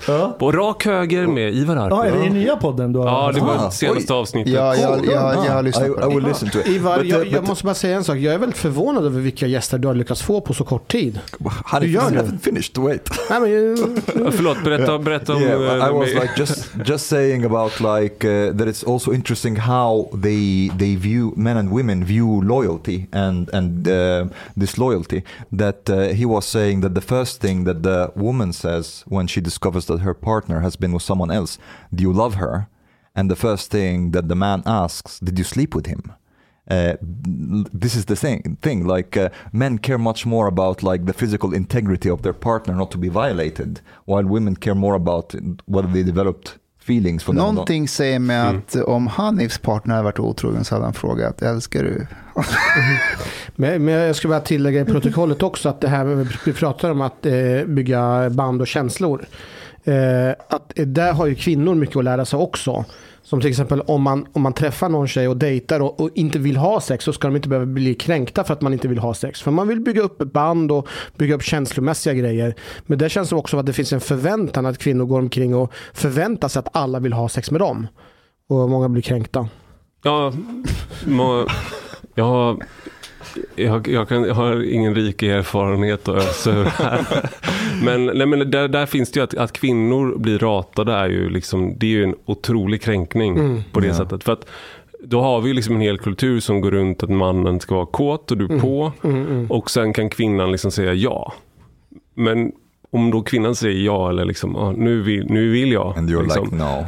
Ja, fast tack men nej tack. Ja. Eh, det är ju liksom en, det är ju sån, alla män är med, i, kan ju vara med om det, är med om det minst några gånger i livet. Liksom att man, man raggar och man tror att man kommer och sen säger någon nej, inte intresserad. Och det, det, det lär man sig i kulturen att ett nej är ett nej. Man kan säga nej när som helst. Samtycke måste få, du bara så här.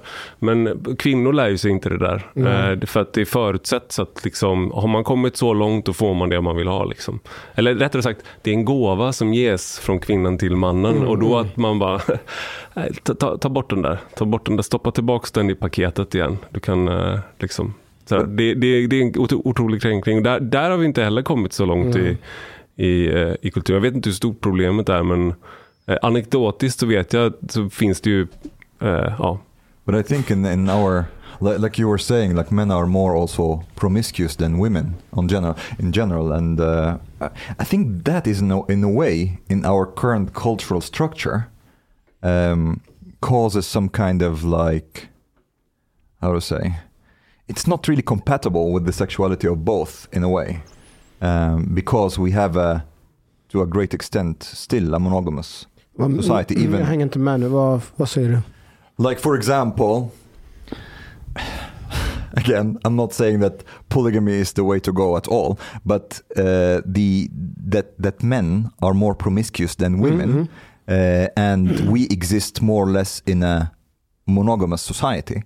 That means that our culture is definitely biased more towards female sexuality than male sexuality. Just det. Um, and oh, well, this is the current culture, uh, cultural structure. But the thing is also polygamy or promiscuity can be good for men, better for, for men maybe compared to women, but not necessarily better for society in general hmm. because it can be also very destabilizing for all the men that don't get any women. If like some some guys have like I don't know a lot of wives and the others what will they do and somebody i can't remember if it's tinder or something else they had like statistics Yes, about sir. the the mm, the matching and Mm, swiping mm. behavior of men and women and they were saying that women are very selective men basically they they swipe right on everybody and they they are saying that um, it's like the top 20% Just of that. men Mm. are getting like 80% of Mm. women det. and if you and kind of everybody tends to be unhappy except these top 20% of men because most of these women are also looking for relationships but they are getting attracted to the top tier guys who suddenly have like all these women, why would they settle down? Kind of. And then 80% of men are not having anything. Um, De, de där 80 procenten, vet ni vad det är? Det Ja. där är som när talibanerna tog över Kabul och går in i de här palatsen. Och bara plötsligt, de har allt. De har pengar, palats, and gyms. gym. Så de vet inte hur de ska använda skiten. De bara går runt där som idioter. Det är vad som händer till de här 80 procenten män som plötsligt får Tinder. Ja. Skillnaden är att de har illusionen av att de är inne i palatset. Exactly. Ja. Och det, Såg ni bilderna på taliban när de åkte go-kart? ja, ja, Go-kart har jag inte sett. Jag har sett Nej, det är radiobilar. Radiobilar, det är helt fantastiskt. just like these images. They, they again and again. I keep like. I feel that there's like the architecture, uh, architect of this t- simulation keeps sending us signals and playing with us. Will they figure it out? here, here is Taliban, like in electric cars, like bumping each other. Here is Taliban. here are Salafis on TikTok. Here are, like, are you figuring it out? No. Jag vet inte om den här bilden var på riktigt, men det var en screenshot från eh, väderprognos i nyheterna. Och så satt en taliban där då, i tv-stationen och sa Only Allah knows the weather of tomorrow. det var väderprognosen. Det var, det var Gian som skickade den, hon hälsar förresten. Tänk vad roligt om de sänder det programmet varje, varje kväll. I ritualen. Only Mustafa, blir inte du ledsen? Eh, för vad? För talibanernas skull? Eller vadå? Nej men alltså jag tycker det blir för tidigt att håna och häckla över allt som händer. Folk de går ju från hus till hus och plundrar och mördar och sen så sitter vi här och skrattar åt det. Är, lite, är det inte lite för snabbt för att göra narr av det här? Alltså jag, jag kan ju inte kontrollera det ehm, i Sverige, så jag hänger ju liksom lite med. Sen är det ju roligt när man ser de här bilderna när de åker radiobil och när de är i palatset och de gymmar och sådär. Det går ju inte. Och afghaner skrattar ju också åt de här bilderna i Afghanistan för att de är ju retards. Alltså, de, de, Talibanerna. Talibanerna, ja. Så det, jag kan förstå att ett Afghanistan, ett land som är så långt borta ifrån Sverige, att, att många, svensk, många svenskar tycker att skrattar åt det. Jan Guillou hade en, en ledare i Aftonbladet där han kallade Afghanistan för ett efterblivet land. Hela Ah, landet? ja. När då? Nyligen? Nyligen, någon dag sedan bara. Hur- hur Och hånade det? Khalis Hamid. Vet, Va? vet du vad han skrev? Va? Han skrev veteranen, veteranen Khalis Hamid och så veteranen med citationstecken. Va- Men varför? För att han är antimilitär och armé. Han tycker inte Har att inte han vi... jobbat för KGB?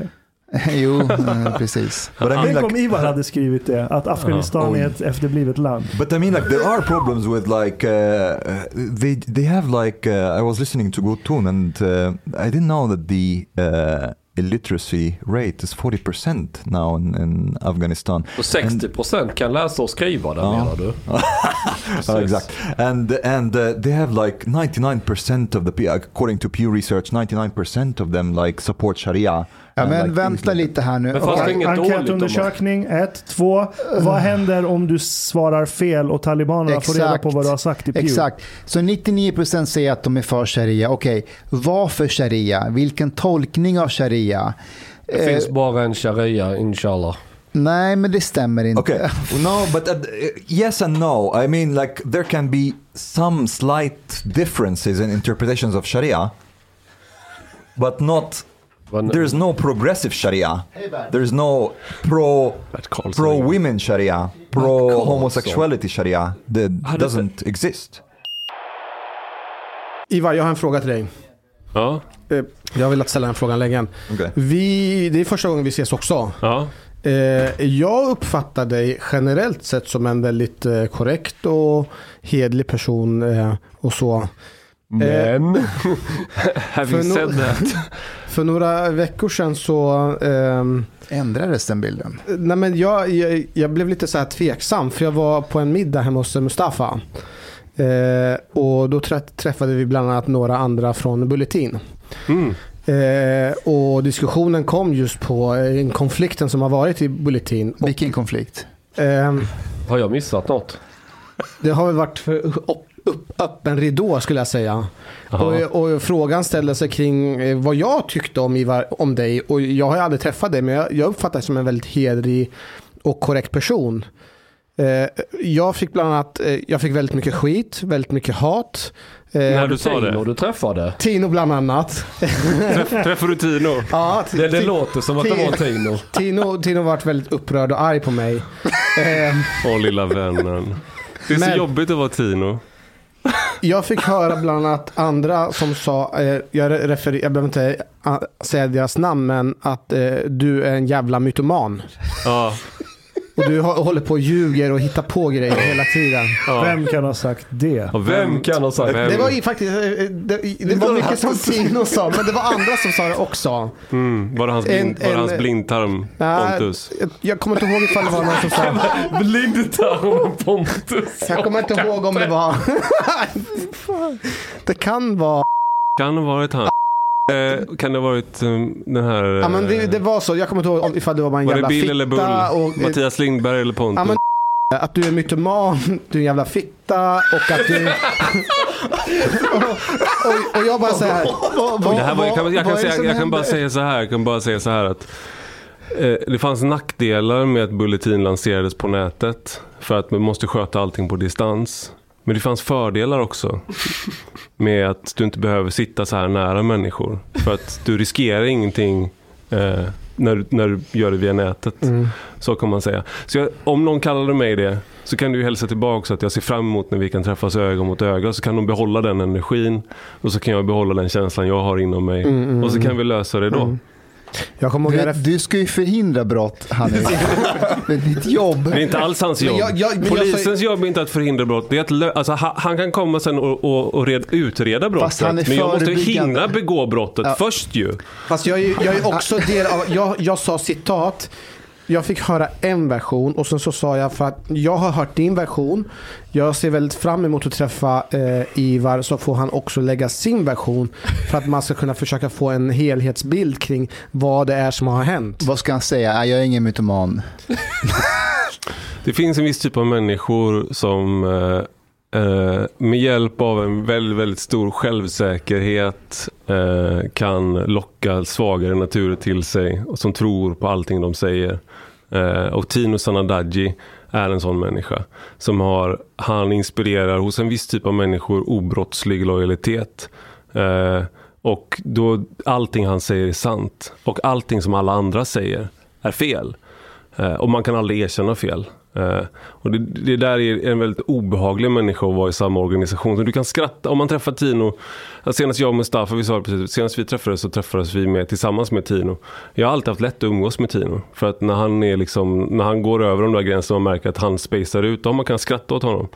Men när han är ens chef, eh, när han sitter och bestämmer över andra människor, om han inte håller de sidorna i schack, det, det, du kan aldrig skapa en fungerande företag. Du kan, en sån människa ska inte vara i toppen av någon organisation. En sån människa ska vara utanför en organisation och så kan du bussa honom på liksom någonting. Till exempel, ja, men gå och skriv en bok om det här. Gå och göra liksom det här. Vi har satt igång det här. Han kan inte sätta igång någonting och han kan inte avsluta någonting. Och han kan inte ta in ny information från andra människor. Han kan inte lyssna på andra människor. Om någon säger någonting annat så kan han inte lyssna på det. Ehm, så att det, det var ju liksom en, eh, ett dödfött projekt. Sen, tror jag också att en annan sak är att om, Tänker du om, på om, du, Bulletin? ja, Eh, dödfött, bulletin. ja. Alltså, om, du, om, du tar ett, om du tar någonting, eh, så att säga, ehm, en person som kan det de håller på att arbeta med, så startar de ett företag. Då brukar den personen vilja själv vilja arbeta med det företaget. Här har du någon som startar ett företag, inte kan branschen eh, Eh, och ser det som en styrka att man inte kan någonting om det man ska jobba med. Men man ska lära upp människor som faktiskt kan branschen, kan det de gör och jobbar stenhårt med det de gör. Men om du ligger och sover hela dagarna eh, om, om både du och, liksom, och den du har anställt som vd för företag, om du liksom inte ens kan gå upp före klockan tre på dagen eh, och sen ska du ha liksom mage liksom, och så här berätta för människor hur du sköter ett företag inom en bransch du inte kan. Det är liksom som att se en liten kattunge sitta och jama mot, liksom, mot lejon. Alltså det, det är så patetiskt. Men Ivar, kan du inte ta det från början? För vad jag minns, det var ju från början så var ju du, du jobbar ju på för podden va? Bulletin Ja. Radio. Ja. Och vad hände sen?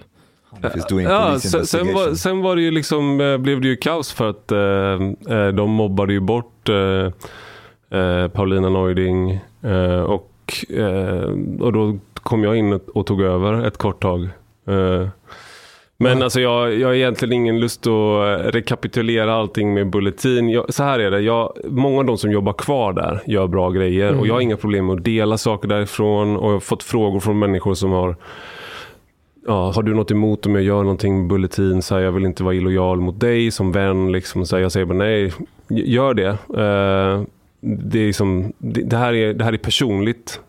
För att det här är, män, det här är, män, det här är människor. Det skulle kunna bli en bra... Uh... Ja. Men, men, men, men, men så här, det här är inte på låtsas för mig. Nähä, ah, okej. Nej, det, här, det, här, det här är liksom inte en, det här är inte en skämtkänsla. Utan det här är en person som förstör för andra människor. Eh, och För första gången har vi en beef på riktigt alltså. det här, det, Inte en mediebeef Det här utan är- en riktig. Jag tror att senaste gången vi pratade med Tino så tror jag att jag gjorde klart ungefär vad jag känner för människor som begår över en gräns också. Det var det vi pratade den gången om. Eh, så att, nej men jag, jag, tror bara, jag tror bara att Tino, han ska nog stanna där han befinner sig. Han bor väl i Vitryssland eller i Ukraina. Kiev Ja, Kiev. han brukar vara. Det kan vara bra för honom att stanna där. Det, det passar honom ganska bra. Men om, vi skiter i Bulletin specifikt. eh, Du sa att det är dödfött företag. Rent ur så här mediebranschperspektiv. Vad är det som... Så länge de är kvar i toppen, Ah, så, okej, länge så han, så länge de har majoritetsägande, så Ah, länge de, det här är människor som inte förstår företagande. Okej. De har läst om det på Handelshögskolan, men de förstår inte ekonomi, de förstår inte hur du bygger upp förtroende, de förstår inte hur du bygger upp lojalitet. Eh, och anledningen till att Bulletin hållit så här länge är för att de har lyckats få människor som är väldigt duktiga. Ta Per Brinkemo, Per Gudmundsson, eh, Lars Åberg. Alltså de har massa bra människor på plats. Så att det, är, ju- det är ju som en tragisk historia i det, den bemärkelsen. Och jag hoppas att jag får fel. Alltså jag hoppas att det jag säger bygger på att jag är, jag är förbannad. Eh, för att det är så bra människor som jag eh, högaktar som är kvar där.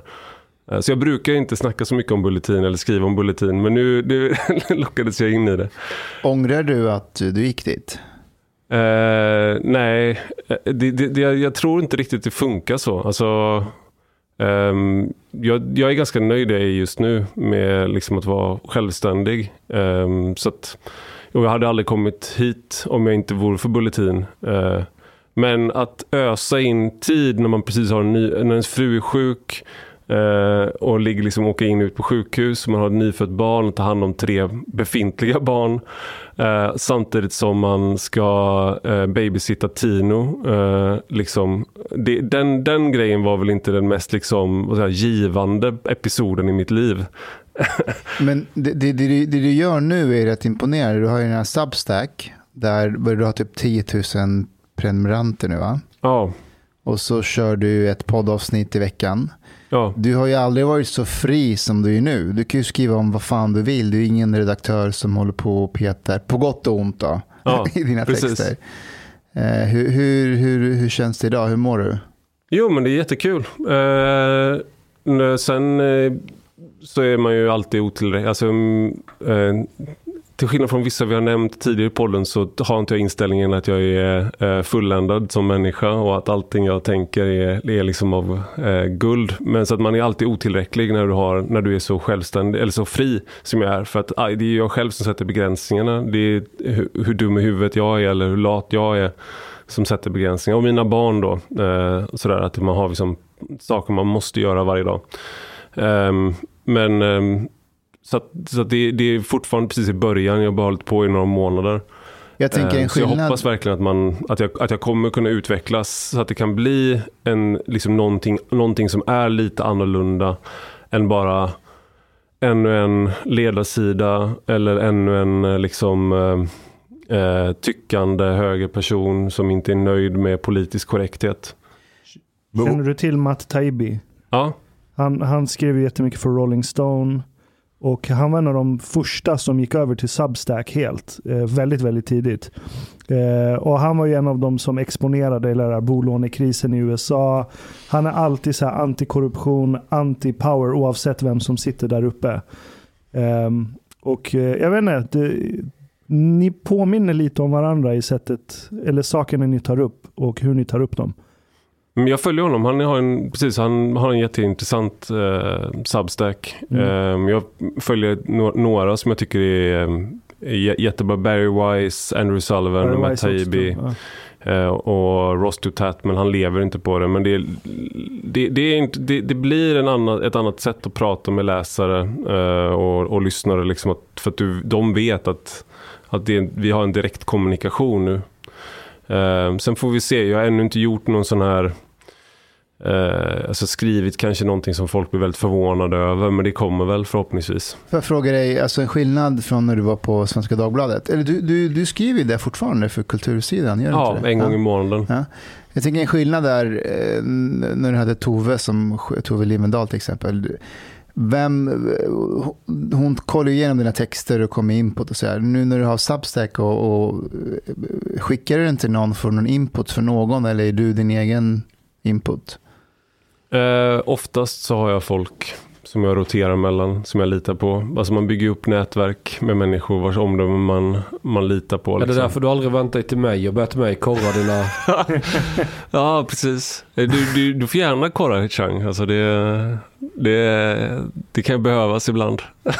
Eva, what's, Jag har mycket your, bra medialt omdöme. Ja. Jag lovar. But Eva, what's your? you- You're saying that you you wanted to eventually be more than just you know, uh, like the um, Editorial. yeah, and Yeah. like uh, of a conservative person. What is your vision with what you're doing?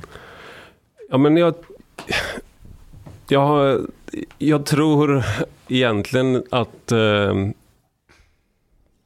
alltså jag, jag, är, jag är väl konservativ på vissa sätt, men jag, jag tror att man... Eh, jag är väl populist i mer. Alltså jag tycker att vi över, överlag så har vi haft en, liksom en uppdelning i Sverige mellan vänster och höger som är hundra år gammal. Så att du har arbetstagare mot eh, arbetsgivare och all opinionsbildning i Sverige sker enligt de linjerna.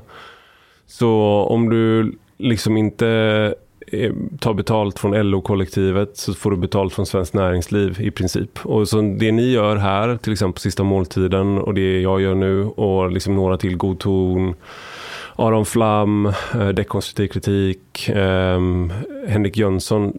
Det är någonting som står separat från det.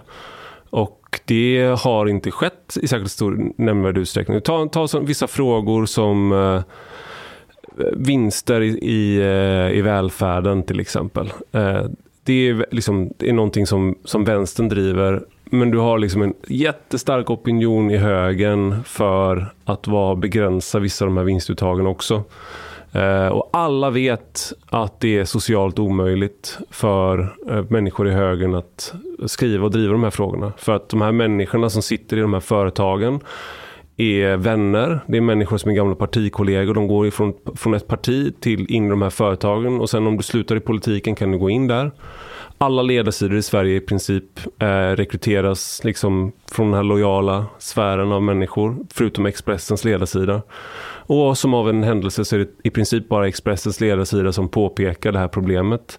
Det vill säga vi har inte, inte korruption, för att det är, liksom inte, det är inte så det är definierat, men vi har absolut liksom en osund vänskapskorruption där alla liksom, folk tjänar pengar på, på att hålla käften om vissa saker. Du, du menar att folk i media anpassar sig efter vad de får betalt för? In, inte folk i media bara, utan det här gäller alla de politiska partierna också.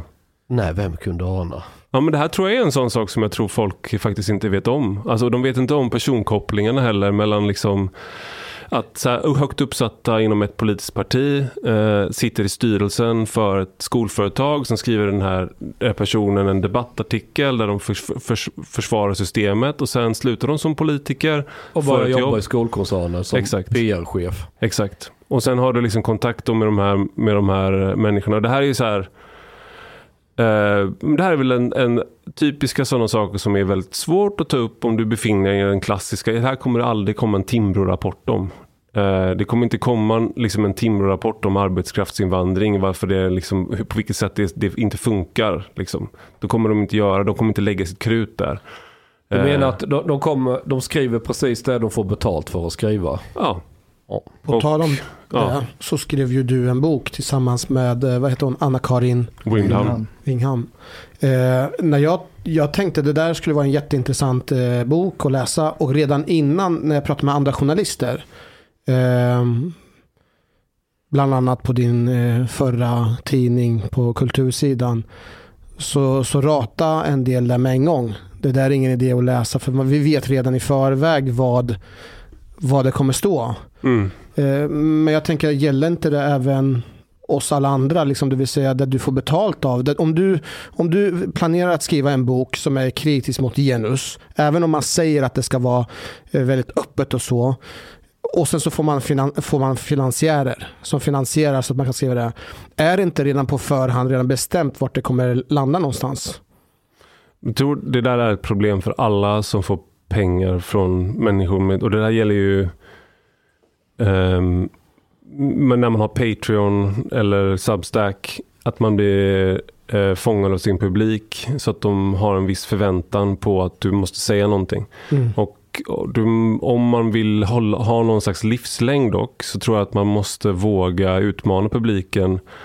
Eh, för att eh, om, jag tror inte att de blir tillfredsställda eh, heller. Alltså jag tror inte att, jag tror någonstans eh, så måste du överraska eh, de du pratar med. Du kan inte bara göra, ge, och det, när vi skrev den boken så var det även någonting vi själva tänkte på. Eh, vi var öppna med vad vi hade för liksom, ingångsvärden, men vi har också fler hypoteser som vi hade om hur det gick till, som vi fick överge. Eh, och Kan, det- kan du kon- konkretisera några Ja, vi trodde till exempel att vi skulle hitta att studenterna, alltså en amerikansk dynamik, att studenter driver på för, liksom, eh, för en viss typ av perspektiv, för intersektionella perspektiv, för genusperspektiv. Eh, och så kan det vara på vissa ställen, men det var inte det vi hittade. Utan vi hittade snarare att det kommer uppifrån och vi hittade fler exempel på när studenter protesterar snarare. Och där finns det, så det var en dynamik, vi inte, alltså hela den här liksom storyn om radikala unga människor mot ett, eh, liksom ett etablissemang som försöker liksom, som lägger sig platt men som kanske har en annan uppfattning. Det var inte det vi hittade. Så, så där är ju liksom en Eh, en skillnad i dynamik. Och det här är också en skillnad i, eh, U- mellan USA och Sverige. Att man ser att det största partiet bland unga människor i Sverige är Moderaterna. Eh, det är inte som i USA att alla som är unga förstagångsväljare står till vänster. Så vi har, det, det var en sån där grej. Sen en annan sak som vi gjorde var ju att vi alltid lät motståndarsidan eh, svara på frågor och ge sin bild av det. Och vi, vi jagade liksom vissa människor för att vi ville att de skulle få säga, eh, alltså svar, ge svar på tal på det, vår kritik. Och sen var det vissa som, må, många ställde upp men många ville inte ens svara på frågor. Eh, så det där är ju ett sätt att även om du har din egen bias så försöker du då använda en journalistisk metod att den som inte håller med dig eh, ska få svara på det. Det där är ju någonting jag har gjort på min Substack mer också, att jag har hört av mig till ja, men kyrkan vände sig till transpersoner till exempel, Svenska kyrkan. Ja, men då ringde jag upp dem som låg bakom den kampanjen och så frågade hur resonerar ni kring det här? Ställde frågor så att de fick svara på det. Uh, istället för att... Så jag är explicit med min kritik men jag vill också att folk ska kunna se varför jag har fel i så fall. Uh, så det är väl det jag försöker... Jag försöker inte säga att jag är neutral men jag försöker i alla fall för människor ska kunna läsa min det jag skriver och säga okej men jag håller inte med på den här punkten och så ska någon kunna få det andra argumentet kan få finnas med också.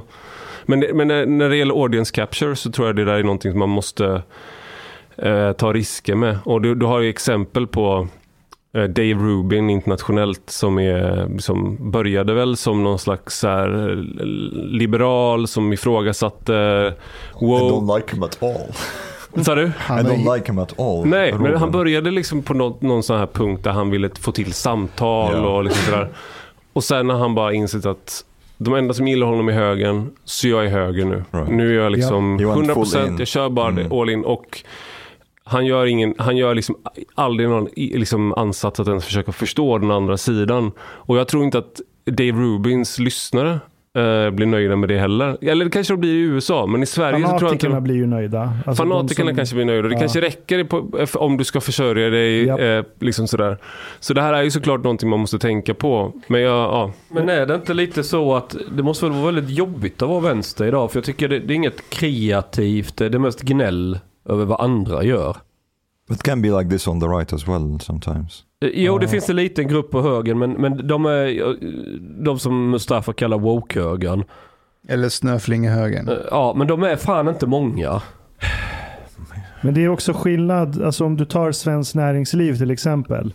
De ger ju bilden av att de vill jobba för ett effektivt välfungerande svenskt näringsliv. Fan heller, de vill bara att Ja, men deras precis. medlemmar ska tjäna mer flis. Ja, exakt. Så jag menar, de finansierar väl Timbro, eller? Ja, Ja. Bland då- annat. Så om Svenskt Näringsliv inte rapporterar om vänskapskorruptionen som finns i Svenskt Näringsliv, det är ju en sak. Eh, För då bryter de mot det de påstår att de gör. Medan du har ju inte sagt till folk att din gärning går ut på att hata på genusforskning. Utan du ska som journalist och utredande liksom skribent försöka se vad som händer inom genusforskningen. Och Ja. då finns det ju du har inte samma skyldighet till att eh, komma fram till en viss slutsats som jag ser det. Nej, sen är jag ju, nej, så fort, man har ju liksom en skyldighet mot alla att man, är, att man inte blir, eh, går bananas när folk har investerat sitt, för även om de inte investerat pengar i mig så har alla som följer mig på Facebook och Twitter investerat i att jag är trovärdig. Så om jag brister i min trovärdighet så sviker jag alla människor som någon gång har suttit i ett sammanhang där jag inte är med och sagt nej men Ivar Arpe han är inte så dålig som ni tror. Då sviker jag dem eh, i det avseendet. Så att du har alltid en förpliktelse mot människor oavsett om de är typ liksom pengar. Om du har tagit människors tid eh, genom att de ska lyssna på en podd eller att de ska lyssna på eller läsa en text man skrivit. Om du då är liksom en är bara någon slags, eh, som Dave Rubin då, liksom att du Juan crowdpleaser. Vad sa du? Eller som genrefreak. Ja, precis. Nej, men du gör väl inte, du gör väl inte det heller? Alltså, det, du, du utmanar ju åt, eh, åt olika håll och kanter. Du gillar ju det. Alltså, du, du är inte, man får ju inte alltid vad man tror att man ska få. Alltså en svensk Nej. Dave Rubin hade aldrig skrivit eh, artikeln om Pavel Gamov. Nej, Du, det, det måste för faktiskt... då, då, för då gick du ju på liksom det, om man då tänker då att Chang Frick, om han var med i eh, han var ah, liksom sverigedemokratiskt an, liksom anstruken. Eh, då skulle du ju liksom ha, ha strypt den storyn snarare. Jag, jag måste faktiskt ge dig det, Chang, att du, du är väldigt oförutsägbar, eh, alltså på ett positivt sätt. Man vet aldrig vad man får av dig. Nej, det vet inte jag heller. Och det, och, det, och det är det värsta med de här som är övertygade, alltså fanatikerna. Men det är så- det är jag- att man jag- vet vad man får av dem. nu när jag satt på toa här så kollade jag på Twitter och då ser jag att Moa Berglöf nu har börjat twittra om, att, eh, om mig såklart. För Fokus drog ut den där texten jag hade skrivit. Mm. Jag berättar om din text. Den är ute nu, eller? Jag Ja, läste den. jag läste den, den är jättebra. Den är jättefin. Han har skrivit en text om kärlek. Det var det Fokus. Fokus ville att jag skulle skriva om. Den är faktiskt riktigt bra. Den är jag blev rörd alltså. Jag skickade Eh. den till Ida, hon tyckte jättemycket om den. Vad, skulle, vad skulle Djingis khan ha sagt? Ja, är ungefär så. Eh, ja, nej men det är en kille som... Alltså för det första försökte jag ju säga till Fokus att ni, ni pratar med helt fel person. Ska jag skriva en text om kärlek? Kom igen nu för fan. Men de står på sig. Och jag drog ju argumentet att det kommer få jättemycket skit för det är jag, bla bla bla. Men okej, skitsamma. Så jag gjorde en text och då är det en kille som heter Andrea som är autist, typ, ish. Eh, eller han har Aspergers syndrom. Och eh, oskuld. Ofrivilligt oskuld. Så han kallar ju även sig själv incel. Mm. Ja, men jävligt politiskt påläst, väldigt intelligent, eh, eh, liksom eh, väldigt allmänbildad på alla sätt och vis. Och, men träffar man honom så förstår man att han är oskuld. För han, han klär ju sig som, jag vet inte vad, som han var 13 år eller något. Men, men eh, spännande människor så kör jag då bara liksom drar iväg på det här spåret och snackar med min sambo då, Polina från Ryssland. Och vi glider in på hur man ser på kärlek i Ryssland. Så jag, får, jag måste ju- ska jag skriva fokus måste jag ju få in Ryssland på något jävla sätt. Det, annars är det inte jag. Ehm, men, men då visade det sig att Nobelpristagen i litteratur eh, 2015, eh, Svetlana Alexievich, gjorde en dokumentärfilm med svensken, vad heter han, Staffan Julén eller något. Om just, den heter Kärlek på ryska. Och då, jag kan rekommendera att se den för övrigt. Då är det massa olika livsöden av folk i forna Sovjetunionen. Och någonting som hela tiden är återkommande det är liksom att eh, att folk lider, det gör ont att vara ihop med någon. Det är uppoffringar, det är inte alls Hollywood och fantastiskt och gullegull och solnedgång i hela skiten. Utan på olika sätt, du, du, du får liksom lä, lämna ifrån en bit av dig själv. Du, du, du, det- din värld blir snarare mindre än större på ett sätt. Att, för nu, nu måste du anpassa dig efter någon annan. Och, och du riskerar, kan riskera att bli utnyttjad. Det blir inte alls vad du hade hoppats på. Och hela den här, eller så här. Utan liksom, de har en helt annan bild av det. Vad det innebär. Att, eh, Det det var någon som sa här innan att plötsligt så har man liksom inte bara förväntning utan liksom krav. Nu måste du göra saker trots att du inte har valt. Om du har barnbarn, du måste ställa upp för dem och allting och, och hela den här biten. Att det, själv, det var något åt det hållet där liksom. Så, så jag kom in på liksom och jämförde att eh, och, och som min sambo också sa Paulina att där är inte idealet nödvändigtvis en kille som har pengar och gör karriär och är social status. Väldigt många tjejer vill ha någon de bara kan tycka synd om. En loser liksom, eller vad man ska säga. Så, eh, du är ju på det spåret, kan vi inte ta Andreas till Ryssland då? För där kanske man kan hitta någon rödhårig bibliotekarie i någon förort till Moskva eller något ju. Det hade ju kunnat funka skitbra. Mm. Tänker jag. Det här kanske bara är fel ställe att försöka. För i Sverige om du ska hitta en välutbildad... För jag, jag är inne i reportaget då att kan, han är ju från Värmland. Jag menar tjejerna i raggarbilar i Värmland de är ju inte några svårigheter att få omkull om vi säger så. Men det vill han inte ha utan det ska vara intelligenta, välutbildade men de har ju flyttat till städerna. Men de vill ju inte ha någon Aspergers syndrom som går på SOS och ingen inkomst och bor på 10 kvadrat i Solna och är oskuld. Så att det är liksom, han hamnar ju i ett ingenmansland i Sverige på köttmarknaden. Mm. Och, och, och så har han redan problem med ångest och deppig och så ju. Så det var väl det artikeln handlade om kan man väl säga då. Men Moa Berglöf. Ja, nej hon tycker att det är Det var ju poängen. Eh, Nej, hon, var, ja, men, ja, så hon har ingen kritik att rikta ut mer än att de släpper in mig i tidningen Fokus, typ. Fast det är inte så hon skriver det. Jag tog en skärmdump här. Men hon återger väl mer bara lite sarkastiskt vad det, vad det stod. Vi, så här, vi får för övrigt också en trevlig liten exposé över Fricks eget privatliv. Hur han gick från kronofogdeskulder till imperiet nyheter idag. Fick barn med sin ryska fru. Och nu planerar att hitta en rysk kvinna åt den ensamma svenska man han intervjuar. Mustigt, skriver hon.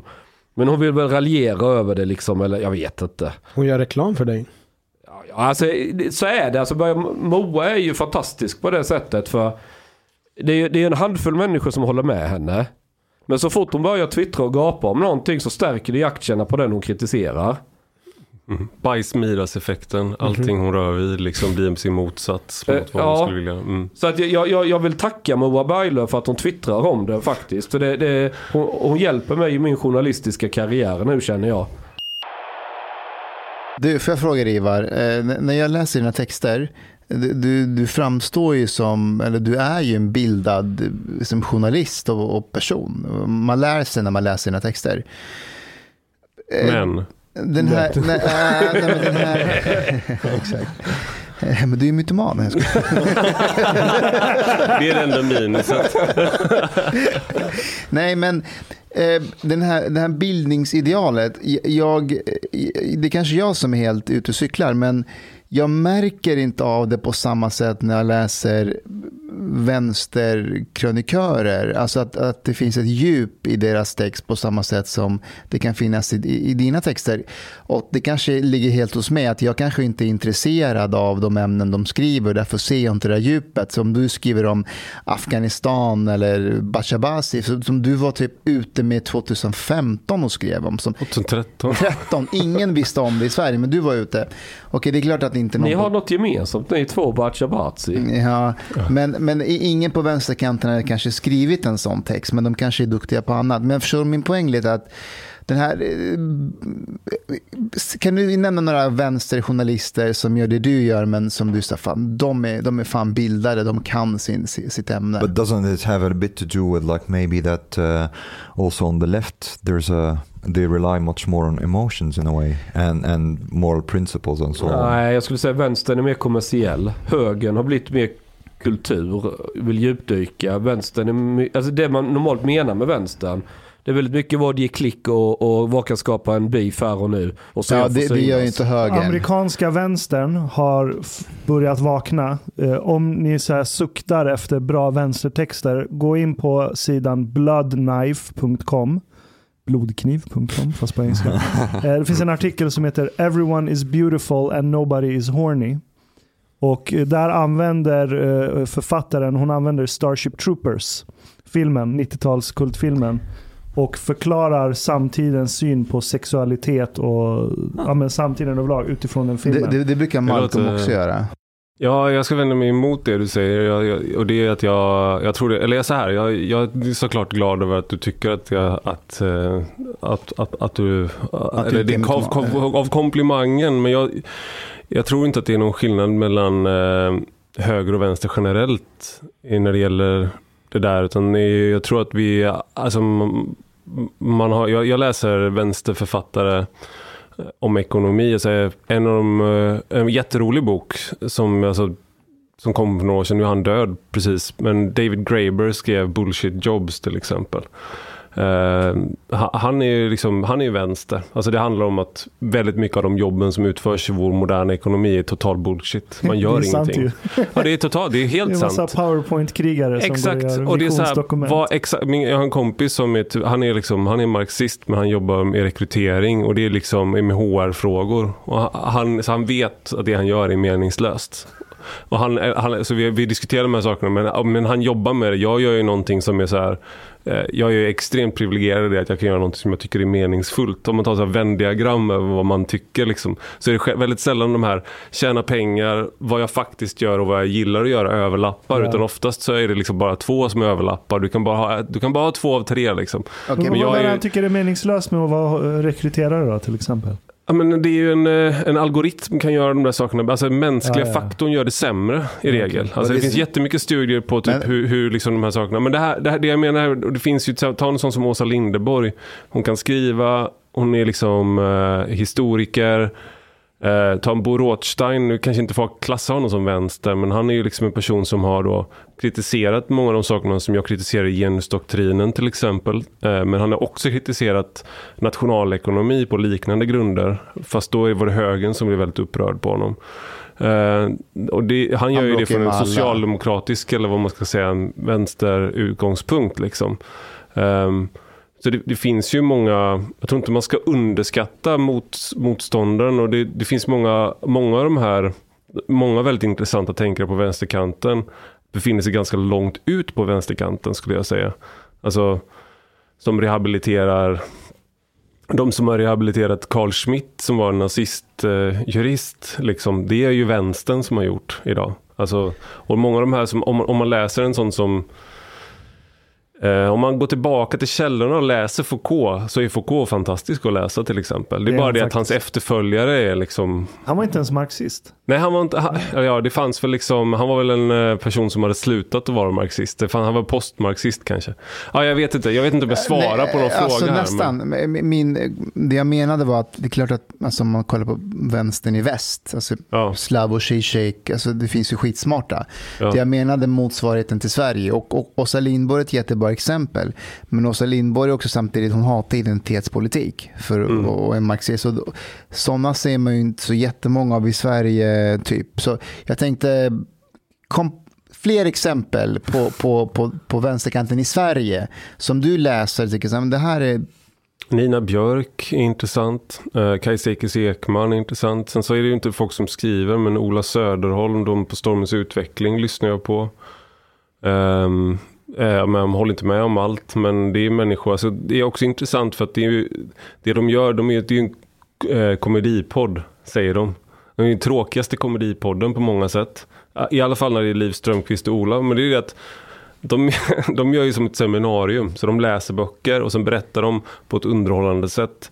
Så de för ju liksom en intellektuell diskussion som borde ske kanske i journalistiken eller som borde, borde ske inom akademin. Men jag var inte med om särskilt mycket av det där när jag pluggade på universitetet. Att du hade den nivån på det, det intresset och att folk som faktiskt läste så här 500 sidor om, eller tre böcker om en tänkare och sen liksom ansträngde sig för att kunna berätta om det. Uh, nu är man ju, vi är ju inte en captive audience utan vi väljer ju själva att lyssna på det. Så att det blir en annan intresse och sådär.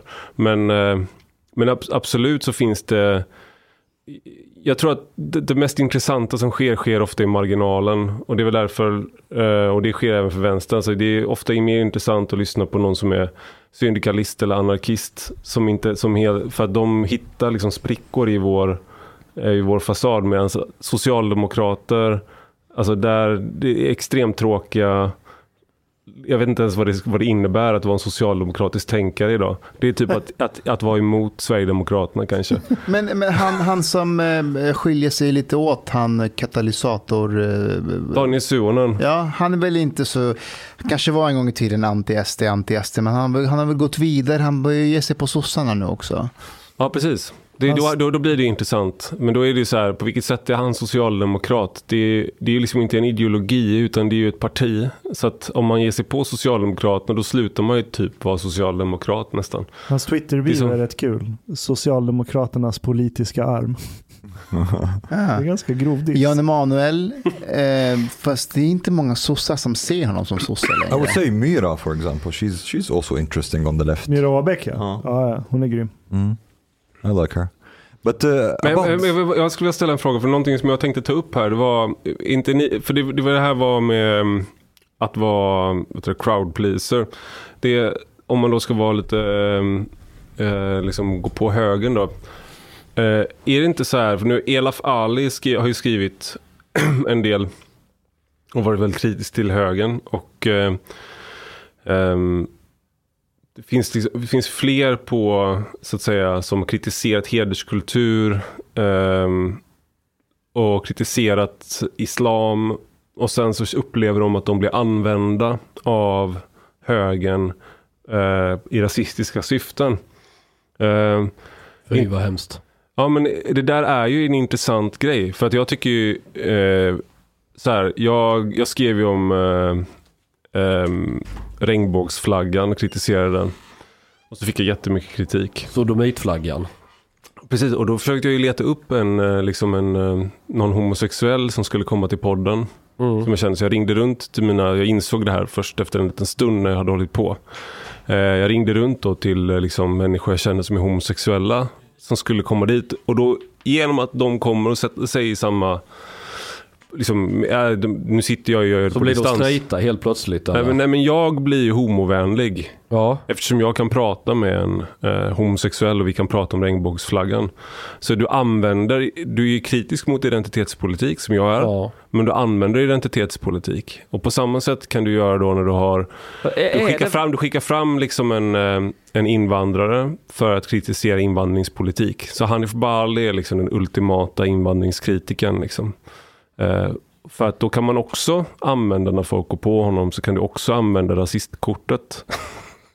Så, du har dub- det är dubbelt argumentet. Ja, Liksom, ja men det finns, det fi, alltså det, det är, jag menar inte att han är ett alibi. Ja. Eh, men jag, utan för han, han, jag, han är ju genuin i vad han, i vad han tror. Alltså jag, känner, jag tror jag känner honom tillräckligt väl för att kunna säga det. Men det innebär inte att vissa, att andra Eh, inte ser dig som, som det. Alltså det är hur du kan användas som ett alibi.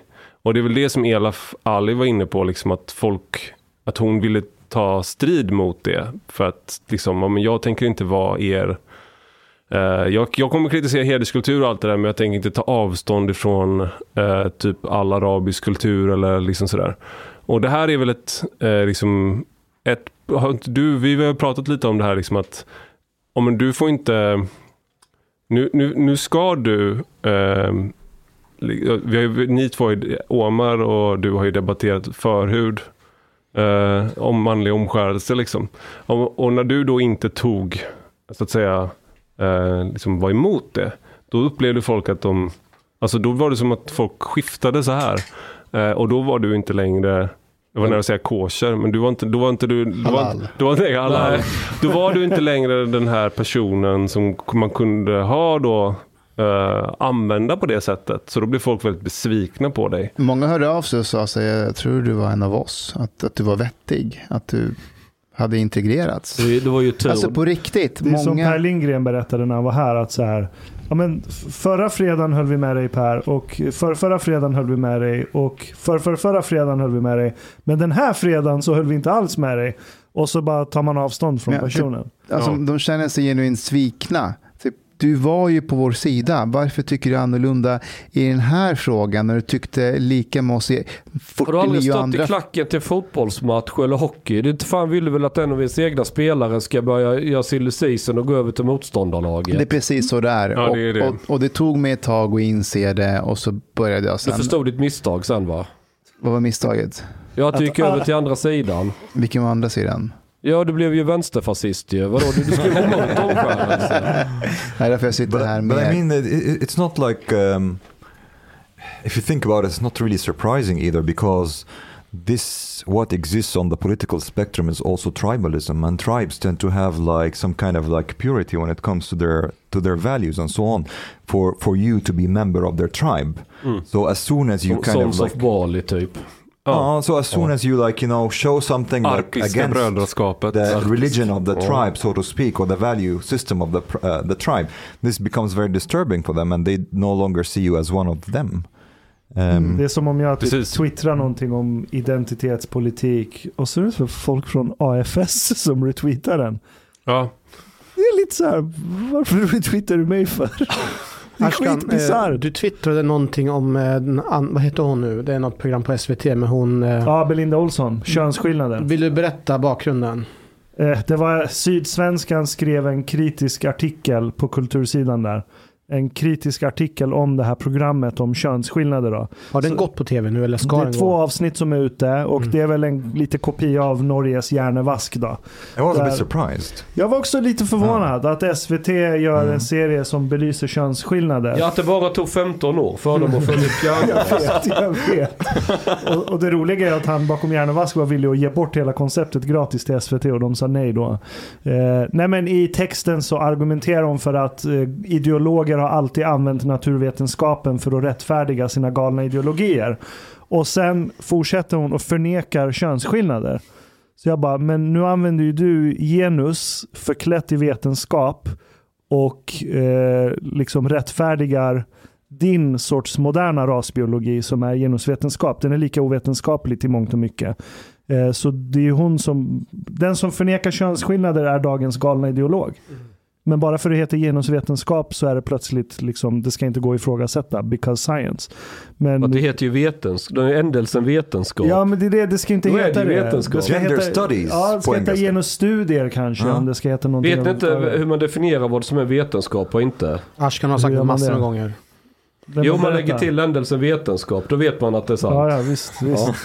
Glöm Karl Popper och Ja, ja. vetenskapsteori But actually- och Alltså just falsifierbarhet. nu, jag, men, jag, känner igen det där, för det fi- finns människor under åren som har hört av sig och sagt att du är så bra och du skriver bra, bla bla bla. Och så ser jag dem vara helt vidriga i liksom andra Facebook-trådar eller Twitter om diverse saker. Så bara, shit, liksom, det, det är två olika det är så här du vet. Uh, och och jag får bara avsmak för det där.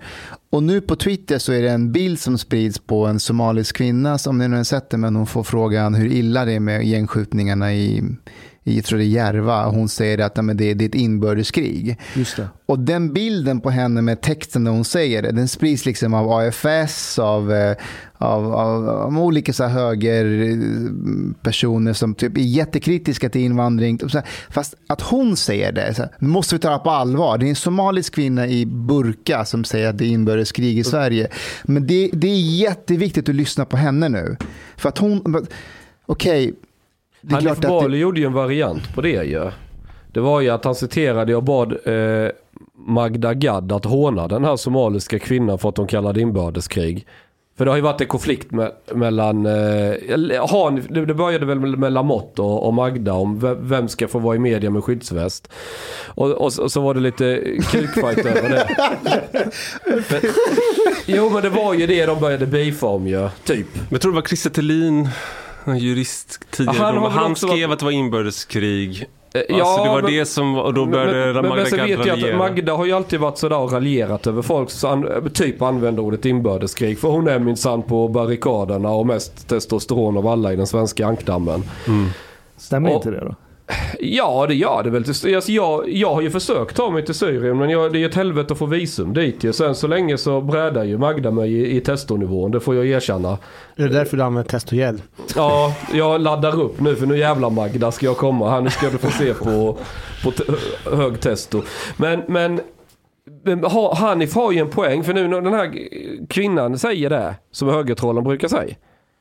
Det är klart det blir lite roligt. Ska Magda in då och börja raljera om den här somaliska mamman som säger så? Som hon säkert Ja, har då är vi tillbaka till maktanalysen. Exakt. Varför Ja, ja. ska hon inte kunna göra det? Vad har hennes identitet med det hon säger att göra? Men det är, det, här, Nej, det, är det, här, det är det här som är grejen. Att det här är min, en kritik av, av, av högern också och av mig själv. Jag är implicerad i det här. För man rör sig, vi rör, det är som identitetspolitik är vattnet vi simmar i som vi inte ser. Så att man är hela tiden, även du använder det så att okej, ja, jag kritiserade regnbågsflaggan. Ja men då okej, då tar jag, tar jag in en homosexuell till, eh, till podden. Och så visar jag genom, även om vi pratar kritiska mot regnbågsflaggan, så visar jag genom, på det sättet så visar jag att jag är ju är ju inte homofob. Okej, kritiserar islam. Ja, men då tar jag, eh, tar jag in Omar. och så kan vi göra det tillsammans. Men eftersom Omar har då bakgrund i islam så kan jag visa liksom att de... Fast jag kan Omar ju- har fucking eldat Koranen. Ja, men precis, du får men ju jag ta in kan- Mustafa eller Men det- någon men annan kan- islamist. Okej, vi ska kritisera in... Okej. Ta in Mustafa. Någon, någon som är för liksom Någon som är för islam. Ja. Men, men eh, fast finns det Ja, men du håller hela tiden på och det här är så här, det här är också så inom när det gäller kvotering att liksom, jag har varit på många arbetsplatser där människorna som säger å ena sidan att vi är emot kvotering och de är liksom emot att du så här, bara tar in dem för att de är kvinna. Och sen gör de det. Så gör de det. det. Så att du sätter någonting i system som är ett system som du inte protesterar emot men på ytan så säger du andra saker. But but isn't there like some kind of sweet spot there? Because eh, I don't like also this this dichotomy. Like uh, either like everything is about identity, or identity should not at all be brought up, even when it's relevant. For example, with this question about uh, like the rainbow flag, I actually think it is relevant to have like a gay person who is like you know critical to the to the rainbow flag. If everybody who's on the other side saying like it's like all gay people are, are for the rainbow flag. So there is a relevant to the identity uh, in that instance. Um, so I, I don't see that. Men eh, ett exempel var ju det till exempel, eh, vi hade ju Jale som har blivit eh, utnämnd som, eh, han har blivit polismästare eh, och är chef för underrättelsetjänsten. Jag kommer ihåg att jag gick ut och eh, gratulerade honom och skrev också att han är faktiskt en, faktiskt en eh, utomnordisk, första utomnordiska som får en sån hög position. Eh, visst, man kan ju kritisera mig för att det är liksom identitetspolitik, men samtidigt så vill jag bara belysa att det är fan bra också ibland när när vi de facto ser att det finns att man, man, man spräcker de här barriärerna, att det finns personer med utländsk bakgrund som får olika tjänster.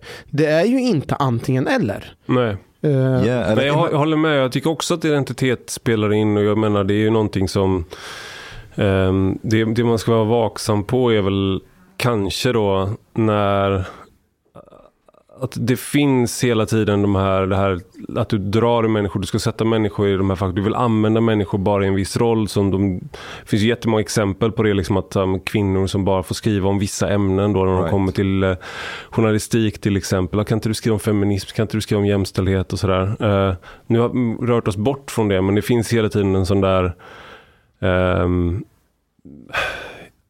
Alltså det finns hela tiden att du vill sätta in människor i de här facken och att det där finns på, på flera ställen. Och jag tycker det är intressant då när du tar eh, ja, personer som Mustafa eller eh, Elaf Ali och um, det, Hanna Gadban var det väl som var sur för ett tag sedan också. Alltså just att de inte vill, inte vill man inte vill bli använd på det sättet. Eh, och det, där, det här gäller ju liksom åt andra hållet också. Jag menar, det, du, det blir ju så här, kan ju bli absurt ibland när människor ska uttala sig som experter för att de har en viss bakgrund. Men de kan inte så mycket om det. Alltså, eh, det finns ju, om du, om, om medan någon som kanske har varit på plats kanske är liksom, kan mer om frågan men de har en annan, de är etniska svenskar eller någonting. Ja, men då, de har ändå inte den här legitimiteten i frågan. Ett exempel var Mustafa som, som första polis, eh, vad heter det, afghanska polisen. Svensk polis Svensk. afghansk. Ja, exakt. Alltså, eh, det är ingen som har utnyttjat sin identitet maximalt som Mustafa. Sen jag...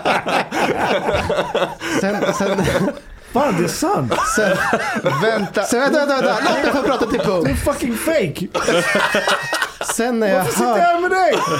Sen när jag hör honom prata med sin pappa, jag hör att han inte ens kan språket. Va?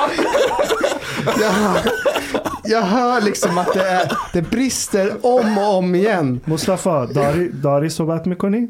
Bali. Jag kunde svara. Vänta Vali. Vali, det- alltså, alltså han, bry, han, det finns ingen som svenska. bryter så mycket när han Pratar du pratar. orten Dari? Dari. Pratar du orten han- Ja, exakt. Där, Han ja, pratar precis. svennedari. Och grejen, jag är likadan också. Jag, jag, jag har aldrig eh, claimat att jag är riktig iranier. Jag kan ju egentligen Nej, det enda ingen... du vill att folk ska läsa din bok. No, but I mean, like uh, this this thing about like uh, being used by people. There's a very easy way to to shake these people off. It's like as long because th- there is the danger that when you uh, have a, crowd or your followers and so on, you kind of know what kind of like you were like you were saying, you know what kind of opinions they want to hear and what kind of opinions they're not okay with. So you keep the opinions that they don't like to yourself. However, if you don't do that, so at every opportunity, just like speak your mind, even when you know that your crowd won't like it, you will shake them off quite easily, quite quickly. Men Det kanske och det är det här som är då, det finns ekonomiska incitament Precis. alltid att inte göra så. Jag kommer ihåg, kommer ska- ihåg när jag lämnade vänstern, när jag liksom, eller liksom kom ut när jag började skriva och blogga och allt sånt där. Det, är- nu är det tio år sedan. Eh, och jag kommer ihåg känslan, liksom att, för det var under en liten period där så kändes det som att jag var självständig. För då hade jag liksom ingen crowd. Jag var inte en del av något lag. Och sen successivt så börjar man välkomnas och så börjar man känna liksom att de här människorna gillar mig nu. De lyssnar lite på mig nu. Nu börjar liksom så, här, så börjar man ta sig in. Och då börjar man känna liksom, eh, vad, vad säger man, liksom så här, the tug av eh, tribalism. Och nu är, nu är jag med, jag har döpt min uh, substack till rak höger. Liksom. Det är inte så här, jag, försöker vara, jag försöker vara transparent liksom, med, med det. Men det finns en, eh, hela tiden en risk i, i när du, att du blir bara en... eh, Alltså i bysantinska riket, i hippodromen så hade de ju så här häst, det var ju det viktigaste som fanns var ju liksom sport där. Och I då det var det, bysantiska. Ja, i bysantiska i Konstantinopel och då var det ju de gröna mot de blå. Eh, det fanns fler lag innan, liksom. det var så här hä- hästkapplöpning. Liksom. Eh, men de sögs upp, så till slut var det bara de gröna och blå. All politik i Konstantinopel hade det bara. Det var liksom som en fotbollsfirma Det var typ Bayern mot IFK Göteborg. Exakt, fast, ah, fast också att kejsaren är med. Och liksom, alltså all, all politik är liksom fotbollsfirmor blandat med eh, politiska partier. Och det var liksom inbördeskrig som startade med hippodromen. Det är ju Eh, fantastiskt. Ja, det är en underbar historia. Liksom. Och sen till slut, alltså, de fick väl lägga av med det där till slut. Men, men det, det är sådär som det är hela tiden. Bara, de här andra lagen, de, de klarade inte av oss. De söks bara upp i de, de här två stora lagen. Och det, det är så det är med, med åsikter också. Att Right. till slut så är det bara så här, eh, i, i värsta fall, ja, är du vänster eller höger? Och så får du svar på alla frågor med hjälp av det. Är du, är du emot woke, då är du höger. Är du för woke, då är du vänster. På, ta, och på tal om det, du sa att du har lämnat vänstern. Va, Han lämnade svenskan. ja, har, du, har du varit vänster förut? Nej, jag var väl inte vänster, men jag tror folk uppfattade mig så. Och, alltså, det var när mer att jag kom ut som liberal. Och det var ju liksom, i, i de kretsarna jag rörde mig i så var det liksom ett stor grej. Så jag blev Du var av med massa vänner. helt Så du har inte varit Ja. vänsterpartist och Nej. liksom involverad i Nej, nej. dagens Men jag, jag tänkte så. på en sak ni sa om det här att man förväntas ha en massa åsikter. Så, eller, eller att man, man håller tillbaka en del av sina hemska åsikter bara för att man inte vill stöta sig med folk. Eller snällare åsikter ibland. Eh, Ja, men, men samma problem har ju talibanerna nu ju. Men såg ni deras presskonferens? Med inkluderande Eh, Ja, islamism. det ska vara inkluderande islamism och hela det här. Och, Nej. jo, Jo, Har du blivit woke? Jo, ja. alltså de var verkligen så här. eh, Och samtidigt så, tycker, så fick de ju alltid lägga till att vi- kvinnor kommer såklart ha friheter inom ramarna för sharia. Liksom så här. Eh, eh, och, och hela det där, vil- vilket blir så fantastiskt. Så, å ena sidan försöker jag nästan framstå som snäll och woke. Samtidigt som det är väl klart att vi ska kunna skära huvudet av en homo och äktenskapsbrott eller Har ni stena sett det här klippet eh, BBC? Eh, De intervjuar Oh, representanterna i Doha. Och de säger så här, det är klart att kvinnor ska vara med i politiken och vara med och bestämma. Och liksom, vi har ändrats. Och så åker samma journalist ner till Afghanistan och pratar med talibanerna på plats. Och så säger hon, eh, kommer kvinnor att vara med i politiken? Och då börjar de asgarva. Ja, och ber henne sluta filma. Ja. You make me laugh, stop filming. Du vet att det är pinsamt, jag kan inte hålla Du kan inte svara på frågan för att den är så rolig. And, the other hand, I think, Det är så sjukt. I Ja, think det it är was så- you, Ivar, who, who posted this video from like CNN reporter, like uh, filming um, people in Afghanistan, Taliban, like saying death to America, and she's saying like they're chanting death to America, but at the same time they seem friendly. It's very confusing. CNN, CNN. På tal om eh, eh, mångfald och så. Mm. Jag läste att eh, Paradise Hotel ska sätta igång igen. Mm. Eh, har du sett den Mustafa? Varför säger du det här till mig Nej, för? nej, jag bara säger det. Men, Jag bara eh, undrar. men de har eh, faktiskt, i deras, eh, med, som jag läste, det är att också att de ska ha extra fokus på mångfald och jämställdhet. Jämlikhet, Jämlikhet. och jämställdhet. Ja. Så då kan både Mustafa och Ida söka? Jajamensan. Ja, vi snackar skit om Arpi nu när han har lämnat rummet och sen är, är vi jättekompisar med honom när han kliver in igen. kan vi göra. Ska vi snacka skit om Ivar när han är borta? okay, quickly. Snackar skit. Har du någon? Ser han inte lite grottmänniska ut med Men, alltså vad har han för bakgrund egentligen? Är han en, eh, har han os osmanskt bakgrund? men, Måns? ja, men hans näsa och ögonbryn, alltså. Nej. What is this Osman? Ja, det ser ut att vara lite så här, lite så här jaha. Arpi är ett finskt namn. Jag skulle Aha. gissa Karelen. För när jag var i Ryssland med Pavel. hållet, ja. Så Who are hittade these jag, Osmans? jag såg bild på en kille som ser exakt ut som Ivar. Det skulle kunna vara hans tvillingbror. Men är han finsk eller? Eh, Ja, alltså, jag, skulle, jag skulle gissa Karelen för det är både ryskt och finskt. Då har du sån här blandning. Det är västra Ryssland. Jag tänker mer en turk, så men med så här turk näsa. Men But is, is he like almost on the border of ginger? Mm, han är lite ginger. Ja, men han är rätt så rödhårig. Ni, ni vet att Ivar var ju med i Göteborgskravallerna. jag var också där. What? Som, Jag var där och demonstrerade för Mujahedin.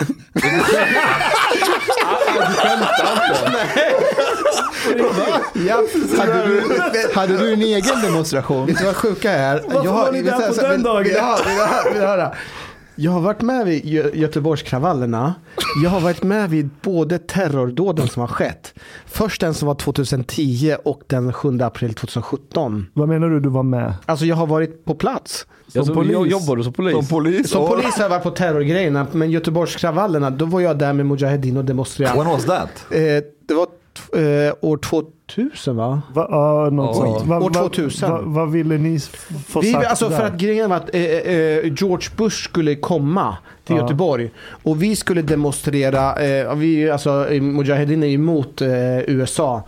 Och, och mot eh, Iran. Så då var vi där och demonstrerade och vi hade så här våra, jag hade till och med bildbevis och allting på att jag var där. Så, här. Ja, det är Men inte vi- till din fördel, men okej. så vi var där faktiskt, men när våran demonstration gick väldigt fredligt till. Vi kastade inte sten på polisen. Ni har varit på samma det, demonstration tydligen. But uh, I På like also that the. Mujahideen is var like uh, a centrist. Like they are Kasta- both against the US and against Det måste vara den Iran. jobbigaste positionen att ta. Kastade du sten på några poliser? Nej, men jag var med i liksom, eh, alltså jag var där när det skedde. Eh, och eh, Det ser de som åker till IS också. så här, Exakt. Jag lagade bara mat. Och det där är sjukvård och laga mat. Ivar gick omkring med. Subway sandwiches och delade ut till Nej, stenkastarna. jag kommer ihåg bara liksom den händelsen. Det var så här. Jag såg de folk som gick och kastade sönder rutor på Vasagatan. Det var, och det var liksom on inte, det var guys, inte den stora. down. Nej, men det var, det var, jag bara, då var det någon, ett par av dem som gick framåt till mig liksom. Eh, som svart och maskerade. Och sen så bara, tjena Ivar. Så drog ner. Var det kompis, så var det kompisar från Majorna som aldrig har varit politiska. Det var bara gött liksom. Det var bara gött att få bete sig. Alltså alla hatar Aina, fast vi kallar dem inte för Aina. Liksom. Ja, men, så det var bara den här liksom, kultur, allmänna kulturen av liksom, att det var antisocial. Det var liksom bara sökt till sig människor. Jag säger inte att alla var sådana där, men det var ju liksom det, det var ju en eh, det var ju, det var ju laglöst så då tog, tog folk chansen att göra skit liksom. Du också eller? Nej, det gjorde jag inte. Jag ser nog, jag Eh, noterar att du tittar snett Du tittar upp. väldigt mycket upp i taket när du säger det där. finns ingen, det finns ingen eh, jag säger, det finns ingen korrelation mellan hur man ser ut och om man ljuger eller inte. Du, är, är, det din, är, det din, är det din mamma eller pappa som kommer från Osmanien? Osmanier. Ja. Eller vad har du för bakgrund Ivar? Ehm, jag är svennebanan men vi, eh, min släkt kommer från eh, alltså östra rikshalvan i Finland. Finland. Finland? När det var så. Sverige. Ja. Men, eh, Och så under, Karl ryssarna härjade ganska mycket där runt på Mhm. 1700-talet. Ah. Så då bestämde de sig för att åka över havet. Mm, mm. Och döpte om sitt Larpi som har betyder inte du lite ryskt blod i dig? Jag har ju inte det. Eller vad, jag, helt vad jag vet. Jag har gjort sån här DNA-test. 23 Jaha! Ja, För du vet att jag precis, hittade din tvillingbror i Ryssland. Du har sett den bilden va? Ja. det, alltså jag, jag har inte ett unikt utseende, det har jag inte. Men jag tror inte att jag har ryskt blod. Jag gjorde sån här DNA-test för att kolla och så hade jag liksom... Eh, så jag var väldigt svensk liksom. Men... Jaha. Ehm, däremot så min farfars farfar hette Mahmud Arpi. Mahmoud, du ser! Ja. Han var säkert en turk. Nej, nej, det var han inte. Mohammed. Mohammed Arpi. Nej, Mohammed, men det var han inte. Nej, men jag har Ja. läst om det. Han var inte eh, Babbe. Hur fan har du läst om Därför hans farfars att, farfars far? därför att Ma- Muhammed eller Mahmud, hans pappa i sin tur var präst och var väldigt imponerad av Mellanöstern eller vad det var. Sufierna Suf, framförallt. ja, så han döpte sin son och gav honom ett mellannamn som var islamskt. Men han har ingen blodsband med det. Ja, Han ser dock ut som en, en, någon som heter Mahmud. Alltså, Som vi- jag då. Jag har en väldigt, jag kommer från en väldigt, det här, är- det här är väl kul men eh, Arpi är alltså en väldigt mörk och kort släkt. Och jag är, och sen kom det någon liksom, min farmors pappa. Han, är, kanske var typ, jag så- han var typ är en två- Arpi. 2,05 och hade en jättestor näsa. Så sen fick alla stora Var det bara näsor. näsan som var stor? så, ja, precis. Du vet väl vad man säger om en stora näsor? Du vet vad man säger om judar? Att de, har väldigt Nej, bra, att de är väldigt bra på basket. Vad händer om en, om en, vad, vad, vad händer om en jude med stånd går, går in i väggen? Svara inte, svara inte. Han bryter näsan. Det är så jävla dåligt. Och det är så Vet kul. du vad raggare sa till mig? Men du vet väl vad fördomarna mot judar var i USA i början på 1900-talet? Det var att de var, eh, slogs mycket, Ja. eh, att de var, så att de var maffia Ja. och att de var väldigt bra på det. Alltså, box, de var, de var, på- var, var och, två, och, sport, och vad var två, två, två sporter dominerade de. Det var boxning och det var basket. Vet du vad raggare sa Men nu idag så är det som att man, om någon då skulle komma med sina fördomar mot judar då, liksom, då skulle de ju vara så här fördomsdyslektiker. Bara, "Ja, men det är såna här judar, de håller bara på att slåss och spela basket. liksom, så här, extremt macho. Alla bara, fan har du liksom ens sett Woody Allen? Alltså, det, Jag, jag Men, men vet, vet du vad raggare sa till mig? Han bara kom från tomma intet och klev fram. Och så sa han till oss, vet ni varför judar har så stora näsor? Nej, så jag bara, så han visste inte vem jag var. För att, för att luften är gratis.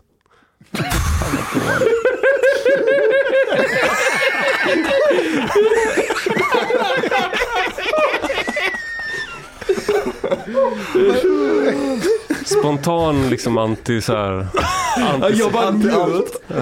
Det lyckas man få in två fördomar på en och samma gång. Ja, ja, jag tyckte det. det. Det var faktiskt poäng för den. Sh- um, Ivar, uh, speaking of this uh, this program about gender differences, and, Speaking and of your, sex, uh, Ivar. and your book, um, how um, how strong would you say the denial of gender differences is here in Sweden? ex, alltså verkligen extremt. Ja. Så är det ju, eh, vilket ju är liksom en, eh, det, det, det, det, det är verkligen en, eh, en religion. Och Ja. det gäller ju, det går in, det som är, är lustigt är att samma människor eh, kan ha två tankar i huvudet samtidigt som inte går att kombinera. Eh, och det är transfrågan och könsskillnader.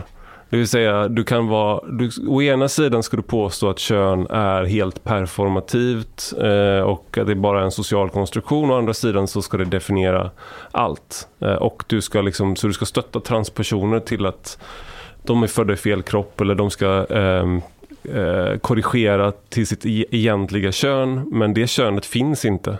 Så att de korrigerar från någonting som inte finns till någonting som inte finns. Och alltså det, de håller helt mot, motsatta uppfattningar i hjärnan samtidigt.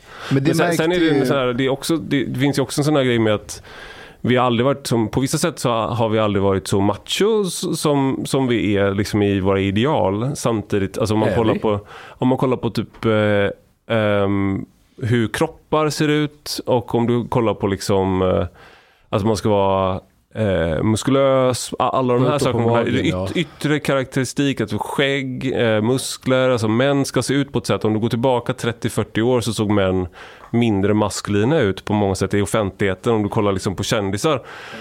Samtidigt som de ska vara då väldigt fem, alltså har ni inte sett den här? Eh, det, det finns en gammal, gammal tidningsurklipp på eh, underkläder i fin, eh, finnar. Som ska, det, det är något finskt underklädesmärke och så står karlarna där i kalsongerna då som är Liksom ska vara fotomodeller. Right. Yeah. Och du vet vilka jag menar? Yeah. Och de ser ut som något utsläppt från ett mentalsjukhus. Alltså det var liksom bara... But, Men du, but Han- uh, Hanif, ja, när, när du och jag var på det här konfirmationslägret som säkerhetsvakter förra året. Var det förra året? va? Ja, just det, förra året Ja. Det märkte ju vi att när vi umgicks med, med de här unga, de var ju, var de, 16, Eh, 14-15 år. 14-15 år. Att när vi frågade dem eh, så här om, "Ja, men hur pratar ni om tjejer och killar och så här. De var ju så här, nej men det finns inga skillnader mellan könen. Utan, Vänta, när var det här? förra, Förra året. året. Och då hade de lärt sig på skolan att eh, som det, är, det är ingen skillnad, vi, vi, vi är precis likadana. Sen när vi gjorde den här övningen där vi delade upp dem i tjejer och killar och pratade typ så här jobbiga frågor. De öppnade upp sig på ett helt annat sätt när det Ah, bara var killar och helt annat sätt fick vi höra när det var bara tjejer. Mm. Och sen efteråt var det så här, okej, vi kanske beter oss lite annorlunda när det bara är Sa både tjejgruppen och killgruppen Eh, det? Killarna sa det i alla fall, för de sa ju att de hade ju inte öppnat Men- upp sig så som men- de gjorde om det var tjejer med. Men Mustafa, du brukar ju ibland ställa lite så här kluriga frågor till dem. Vi pratar också om eh, identitet och så här. Eh, Var det inte också lite grann så att de ställ, sa någonting utåt men mellan raderna så kunde man läsa att de egentligen tyckte någonting annat.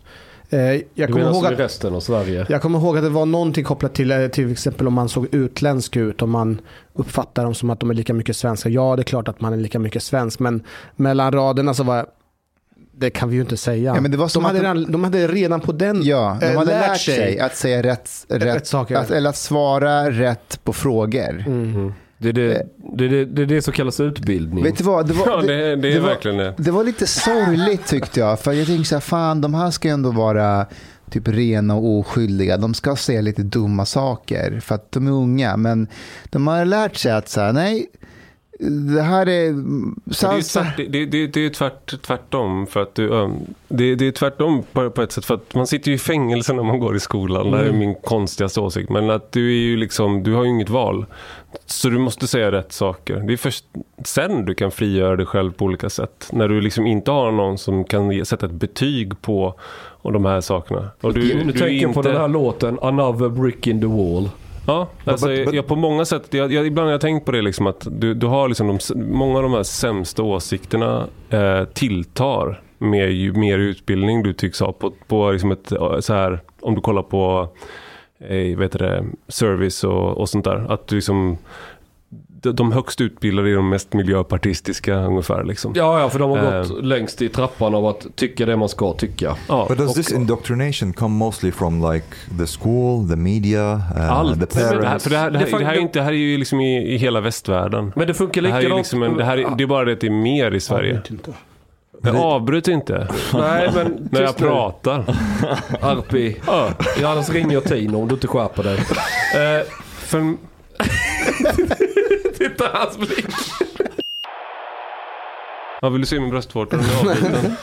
Var det de bet din bröstvårta? Ja, En kille bröt av min bröstvårta. Va? Får jag se? Jag vill fakt- Den har läkt, det den har läkt nu men den är liksom... Visa pattarna. Det, det hänger ju- körtlarna- Körteln hängde ut så att man Eh, ser liksom det här. Den är, liksom, den är kluven. Men den var ju liksom då, så det är många stygn och sådär. Vad hände? Den är rekonstruerad. jag hade inte samtycke till att du skulle visa den här bilden. Jag såg att du såg lite obekväm ut. Men jag, Det ville lite faktiskt, obekvämt jag, nu, jag jag tänkte det, faktiskt säga lite seri- eller halvseriös sak. Och det var det här med att Så Miljöpartiet. jävla pryd. Eh, vad skulle jag säga? Nej men vänta, jag vill veta vad, vad, vad fan hände? Varför, varför fick du din bröstvårta avbiten? Eh, det var... Det var ett så jävla dåligt slagsmål. Alltså så dåligt genomfört, dåligt startat, alltihop liksom. Det var som Av ett han jävla som skämt. bet det ja. Ah, Han var, alltså jag fick bröstvårtan avbiten Varför av en började ni slåss? But who does Min- that as well? En kompis till mig, eh, alltså det här var när jag jobbade som ledarskribent på Hallandsposten, så det är inte så, det är tio år sedan nu då. Var det därför eh, du var arg? För att du var på Halland? Nej, jag var inte så arg. Jag hade, gla- och så hade jag glasögon, så hade jag varit ute och druckit öl i Göteborg. Och så, så var det liksom, blev det bråk mellan en kompis till mig och eh, några tjejer i, i kebabkön. Varför? Så här, redan här så är vi uppe på en väldigt Classic. hög nivå av värdighet. Ja. Eh, och då ringde de sina killar och killkompisar. Så när det vi går ut från... invandrartjejer? Nej. Nej. Eh, eh, och så när Var det vi... svenska tjejer som ringde sina kusiner? Ja, ja, då var det väl deras pojkvänner liksom. Så när vi gick ut så kom det liksom så fem killar springande och var jättearga. Svenska killar. Eh, det var en sydafrikan och sådär. Jag vet inte vad, men det var, det var, ja det var svenskar. eh, på det stora hela. Ehm, och, sen, och sen så försökte jag liksom säga, men kom igen, vi behöver liksom inte eh, bråka om det här. Men så blev det liksom, skulle de slå min kompis och, och då är det så här, man bara, okej, kan det ha varit min kompis som hade fel, kanske inte var min kompis som hade fel, men nu kommer jag slå er. eh, och sen... Eh, Eva, var det då det Jag gick från liberal till rak höger? But at the same time, of course they were sweets. Like, no, which immigrant would come to a fight and will bite off a guy's nipple? De åtminstone med Ja, men så här var det, så här var, jag hade automatvapen, stuk, skjuter- ja, det, var som, det var som ett skämt för att det var liksom, det var en tjej som, som, som slog av med glasögonen hela tiden. Eh, och jag ville inte slå en tjej liksom, eh, såklart. Eh, så jag fick liksom, samtidigt då som den här killen, en kille som, som försökte träffa mig, han var så jävla liksom, dålig på att slåss. Så jag liksom duckade hans slag och letade efter de här glasögonen som Mr. Magoo på marken. Liksom. Och fick på glasögonen och så liksom duckade, så slog han, så hade jag samtidigt stukat min tumme när jag spelat fotboll. Så att tummen, jag kunde liksom inte knyta handen. Så jag fick liksom slå honom med vänsterhanden. Höll du Eh, på med kampsport på den här tiden? Alltså lite grann. Eh, eh, Efter det här så bör, tog jag upp det. Alltså jag började med boxning efter det här för att alltså, om man ska... Alltså det här var ju innan iPhones. Så att hade det här lagts ut på YouTube liksom. Nej, det hade inte för det var som ett, alltså man hade kunnat lägga på Benny Hill soundtracket. Men då ska jag slå honom, han höll på att veva, så ska jag slå honom, så ska jag knä honom. Men då hade den här tjejen, hon hade slagit mig, hon träffade mig liksom. Alltså varenda slag som hon slog så träffade hon mig. Jag fick säkert 20 slag i ansiktet. Jag fnissade och letade efter glasögonen liksom. eh, och sen f- eh, så hade hon liksom knäpp, ryckt upp knapparna på min skjorta. Så när jag tog, tog liksom så här tie clinch på den här killen så, så knäade jag honom. Eh, och då kände jag liksom som när man, när man drar i vått tyg eh, så känner man så rich. Och då var det för att han hade bitit tag i min bröstvårta. Så när jag knäade bort honom eh, liksom, med kraften, kraften som du har med liksom i höften när du knäar någon. Ja. Eller något, ska jag säga. Så, var, så rycktes liksom bröstvårtan av. Och så tittade jag ner och så var liksom, och då hade jag också brutit tummen. Så tummen stack ut och var typ helt så blå. På högerhanden och sen så bara så hängde liksom bröst, bröstvårtan utanför kroppen och så hängde liksom så här körteln utanför. Eh, och sen, träff, men det, sen träffades vi på akuten, alltså, för vi hade ju... kompisar igen? Så då hade vi gett dem liksom, så, så några hade hjärnskakning, jag hade ingen bröstvårta. Eh, den enda som var oskadd, liksom, som, den enda som bara hade gett ut liksom, stryk så att säga, det var min kompis som hade startat alltihop. Ja. Han var den enda som var oskadd. Eh, min, andra, fredagkväll eh, alltså. min andra kompis hade liksom fått näsbenet avslaget och han är, han är läkare så han gick och försökte korrigera sitt eget näsben. Han bara, sitter det rätt nu då? Så satt det liksom som du vet, här, klockan var, klockan var tre. liksom, så, så bara, nej nej det är fan det är helt snett. Han bara, nu då? Och så bara, klockan var elva. Så liksom, bara sluta dra din näsa liksom. Vänta tills du kommer till en spegel. ja, men, men så vi träffades på akuten och skakade hand med varandra. Och så där. Det var liksom så här bara att, eh, ja. Var, Bra fight. Good. Ja, det var verkligen så. Liksom. Ja, men bra jobbat. Jag, liksom, jag fattar, så här, då hade vi liksom lugnat ner oss. jobbat, sa ja, nej, men det var så här. Ja, ni backade upp er liksom era, vi gjorde med våra. Vi Ja, hade ja, gjort med likadant. Liksom, så här, testosteronet hade sjunkit undan med smärtan. Det blev såhär sportkommentatorjargong Ja, det var, ja, men det var så här. Så att det, vi, vi skildes åt, inte, kanske inte som vänner, men eh, Inte som fiender heller. inte som fiender heller. Så det var ett, eh, så här, det var ett helt okej slagsmål. Vad var det du skulle säga förut? Jo! Eh, jo, jag kom på det nu. Det var ju någon som sa att de som blir miljöpartister, eller så gott, går hela vägen det där vad man ska lära sig, hur man ska vara. De går, och, och hamnar på universiteten högt upp liksom. De har gått all the way. Men det funkar inte likadant på de islamiska universiteten? Att man är liksom mest rättroende och då är det den som får lov att tolka ut vad Mohammed egentligen menar med sitt exempel och utfärda en fatwa och allt det här. Jo, så är det ju. Yeah, the most... Så det funkar väl lite likadant i ett Ja, islamiskt samhälle? Att du, där måste du vara också jätte-PK, det är bara att det en annan värdegrund än sharia. ja. Eller, eller ja, deras värdegrund är typ sharia, men det är samma sociala liksom, vad ska man säga, spel. Att du ska... Du blir en mandarinklass av högt utbildade människor som vet vad lagen är, som vet vad som är korrekt, vad som är exakt, moraliskt. alltså att- som jo, är... Det är lite det här tribalist, eller det handlar inte om vetenskap att du har tänkt logiskt och kommit fram till någonting. Utan att du, du, är, du är bäst på att anpassa dig socialt. Mm. Och du har också, får också auktoriteten att göra det mot andra. Alltså du har en imam inom islam till skillnad från en präst är ju liksom inte, är inte alltid liksom någon som är vigd. Alltså du har ju inte den här, den här hierarkin inom katolicismen. Eh, till exempel att du måste gå igenom ett visst system. Utan du kan ju också vara en imam som för att du är en person som människor lyssnar på och som anses vara lärd. Alltså det, det här är både kritik mot islam ibland att de inte har den här formella hierarkin som du har i katolska kyrkan. Men det gör ju också att det liknar ganska mycket. De är liksom islaminfluencers.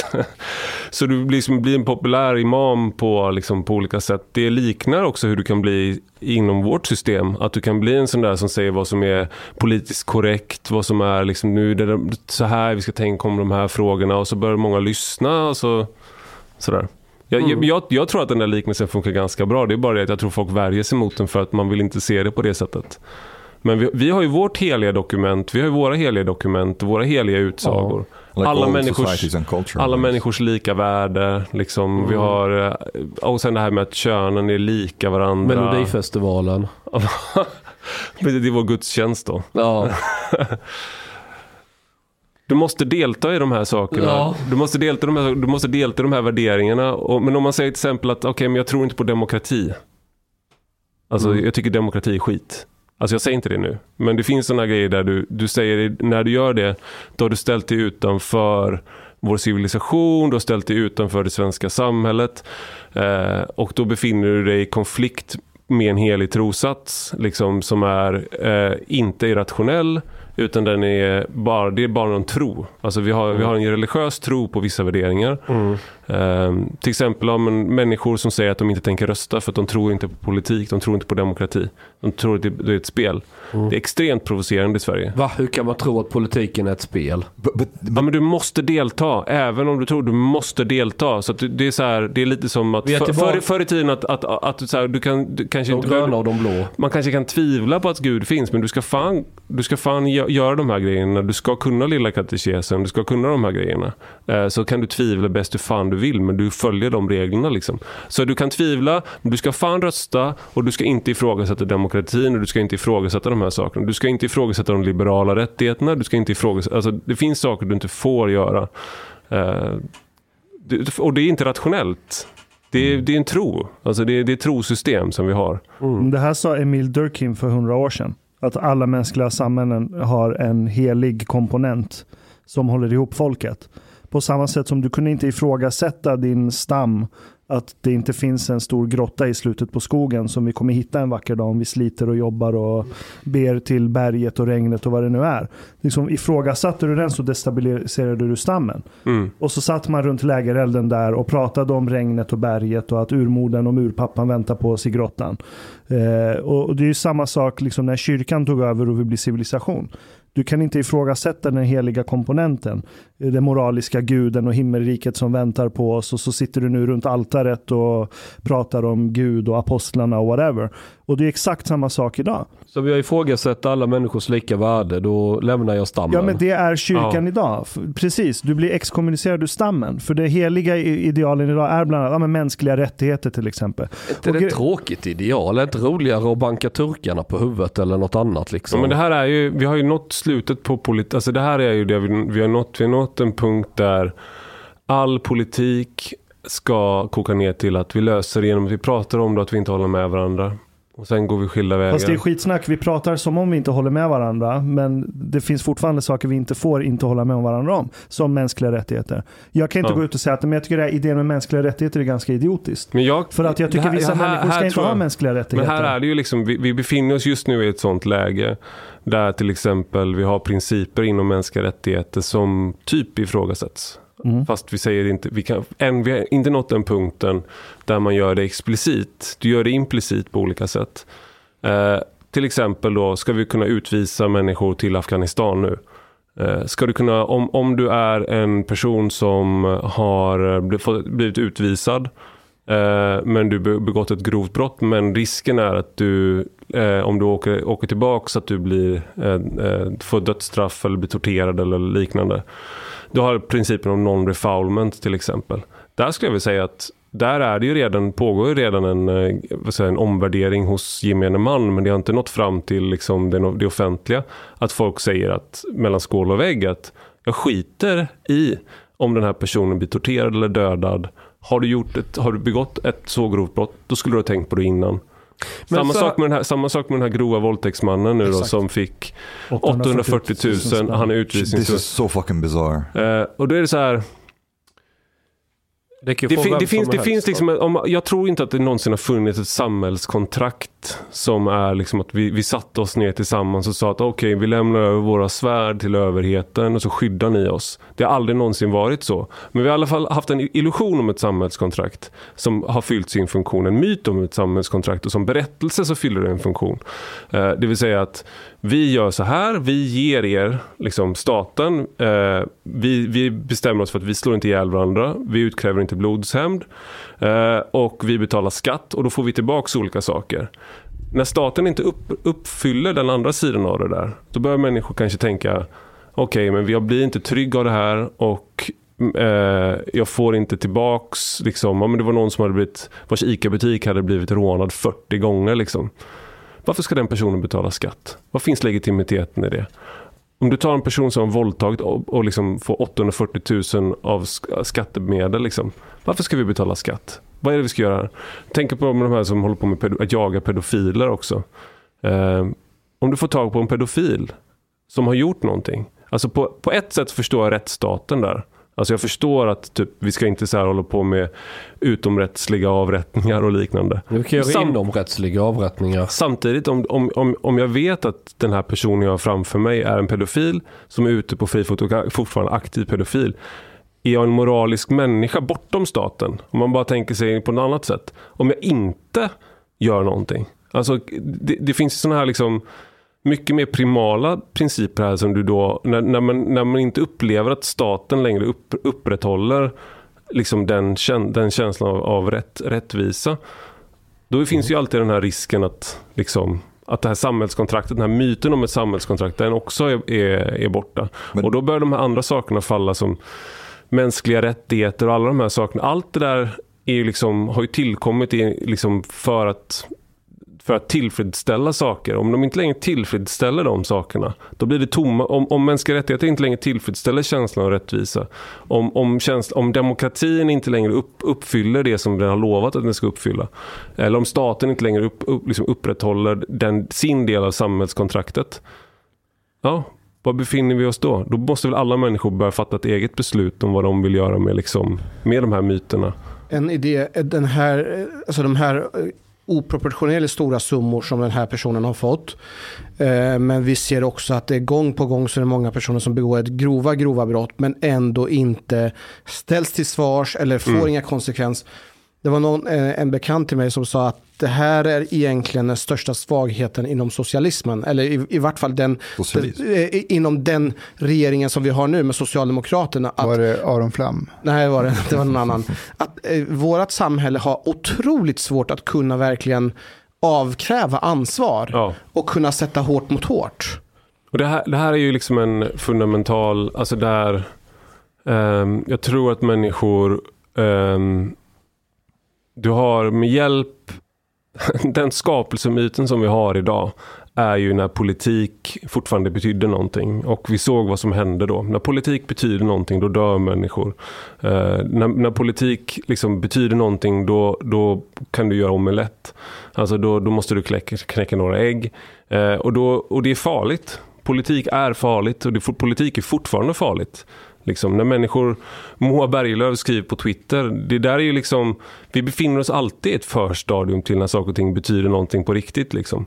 Eh, men sen hade vi liksom andra världskriget och det är vår skapelsemyt. Och det är därför om du ska vara satanist idag, alltså riktig satanist i Sverige, då ska du göra sig, då ska du göra liksom, då ska du heila. Eller då ska du använda nazist, eh, nazistsymboler och liknande. Det där, och det där fattar folk instinktivt, att det roligaste du kan göra liksom, jag pratade med en eh, bekant som under studenttiden när det var, han bodde på Smålands nation i Lund som är liksom extremvänsternationen då. Och då när de hade fest eh, i våningen under alla liksom vänstermänniskorna, de värsta hör till, då öppnade de fönstret på hans korridor och spelade nazistmusik högt då, liksom i högtalare ut genom fönstret för att störa dem. För att de visste att det där var liksom kränkande på en sån här, och det är bara så här pubertal provokation. Och alla fattar det där, det är en mc-gäng anammar liksom, eh, liksom SS Eh, de köper så SS memorabilia och sånt där. Ehm, men, och det, i, I den här skapelsemyten som vi har då, då, är det, då måste vi måste liksom bli motsatsen till allt det där. Vi måste bli motsatsen till ett läge där politik spelar någon roll. Så att politik slutade vara att vi, att vi liksom krossade motståndet. Politik blev eh, debatt i SVT med ledd av Belinda Olsson. But but uh, you know this example with the with that uh, rapist guy that got almost like one million crowns is like uh, it's like it, it's so bizarre. It, it's yeah, it, it, undermines like the trust and loyalty for the state, but also it really increases also the resentment of Swedes against immigrants. This is also another thing that that uh, we should we should be careful about, and also we how can we have a chance to like make immigrants in Sweden have trust and loyalty in the state because if you if Swedes think this is bizarre, try to imagine how people from the Middle East see this. They're like, Mm. what fucking madness is this? To them, am I going to trust or have loyalty to a state that behaves in that way or has this outcome? There's no fucking way.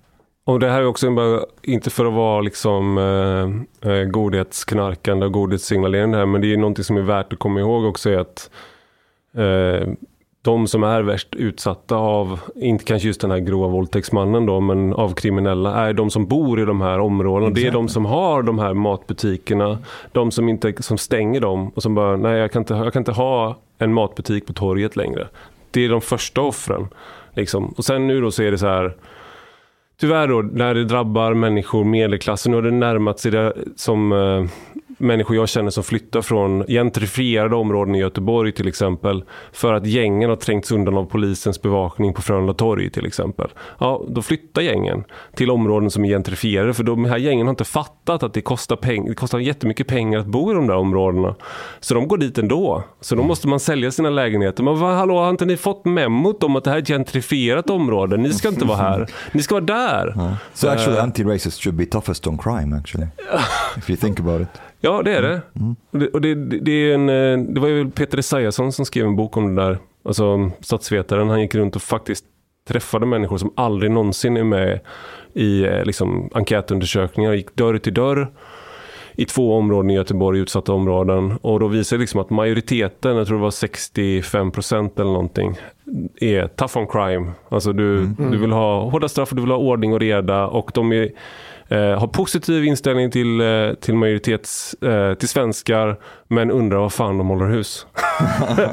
Och det där, det där styrks ju även av eh, senaste BRÅ-rapporten också. Eh, som när de gjorde, eh, undersökte just eh, förtroendet i utsatta området. Då var det jättehöga förtroende för polisen. En del hade lägre förtroende för polisen just av den anledningen. De vill Ja. vara hårdare mot kriminaliteten. Men det är rätt lätt att förstå för så många vill ha sharia i Afghanistan. Vi vet ju hur otryggt det blir när det kommer en liten grupp ensamkommande afghaner till Sverige. Tänk då ett helt land fyllt av afghaner. Hej på dig, min vän. Lyssna på mig nu. Du är mycket fin människa. Du har betalat biljett på klubbzista måltid. En mycket fin radioprogram i Sverige. Tak vare deiso ardiet moilikt for grabarna at chopa kafe late ute potoriet. Betalar kningar. Chopa blut pudding til familien. Oka tunnelbana. Eller drika en kal norland zgult poute serviering, ibland. Dit bidrak jor grabarna miket glada. Dit stot jorzista moltit moilik, helt enkelt. Tak, minwen.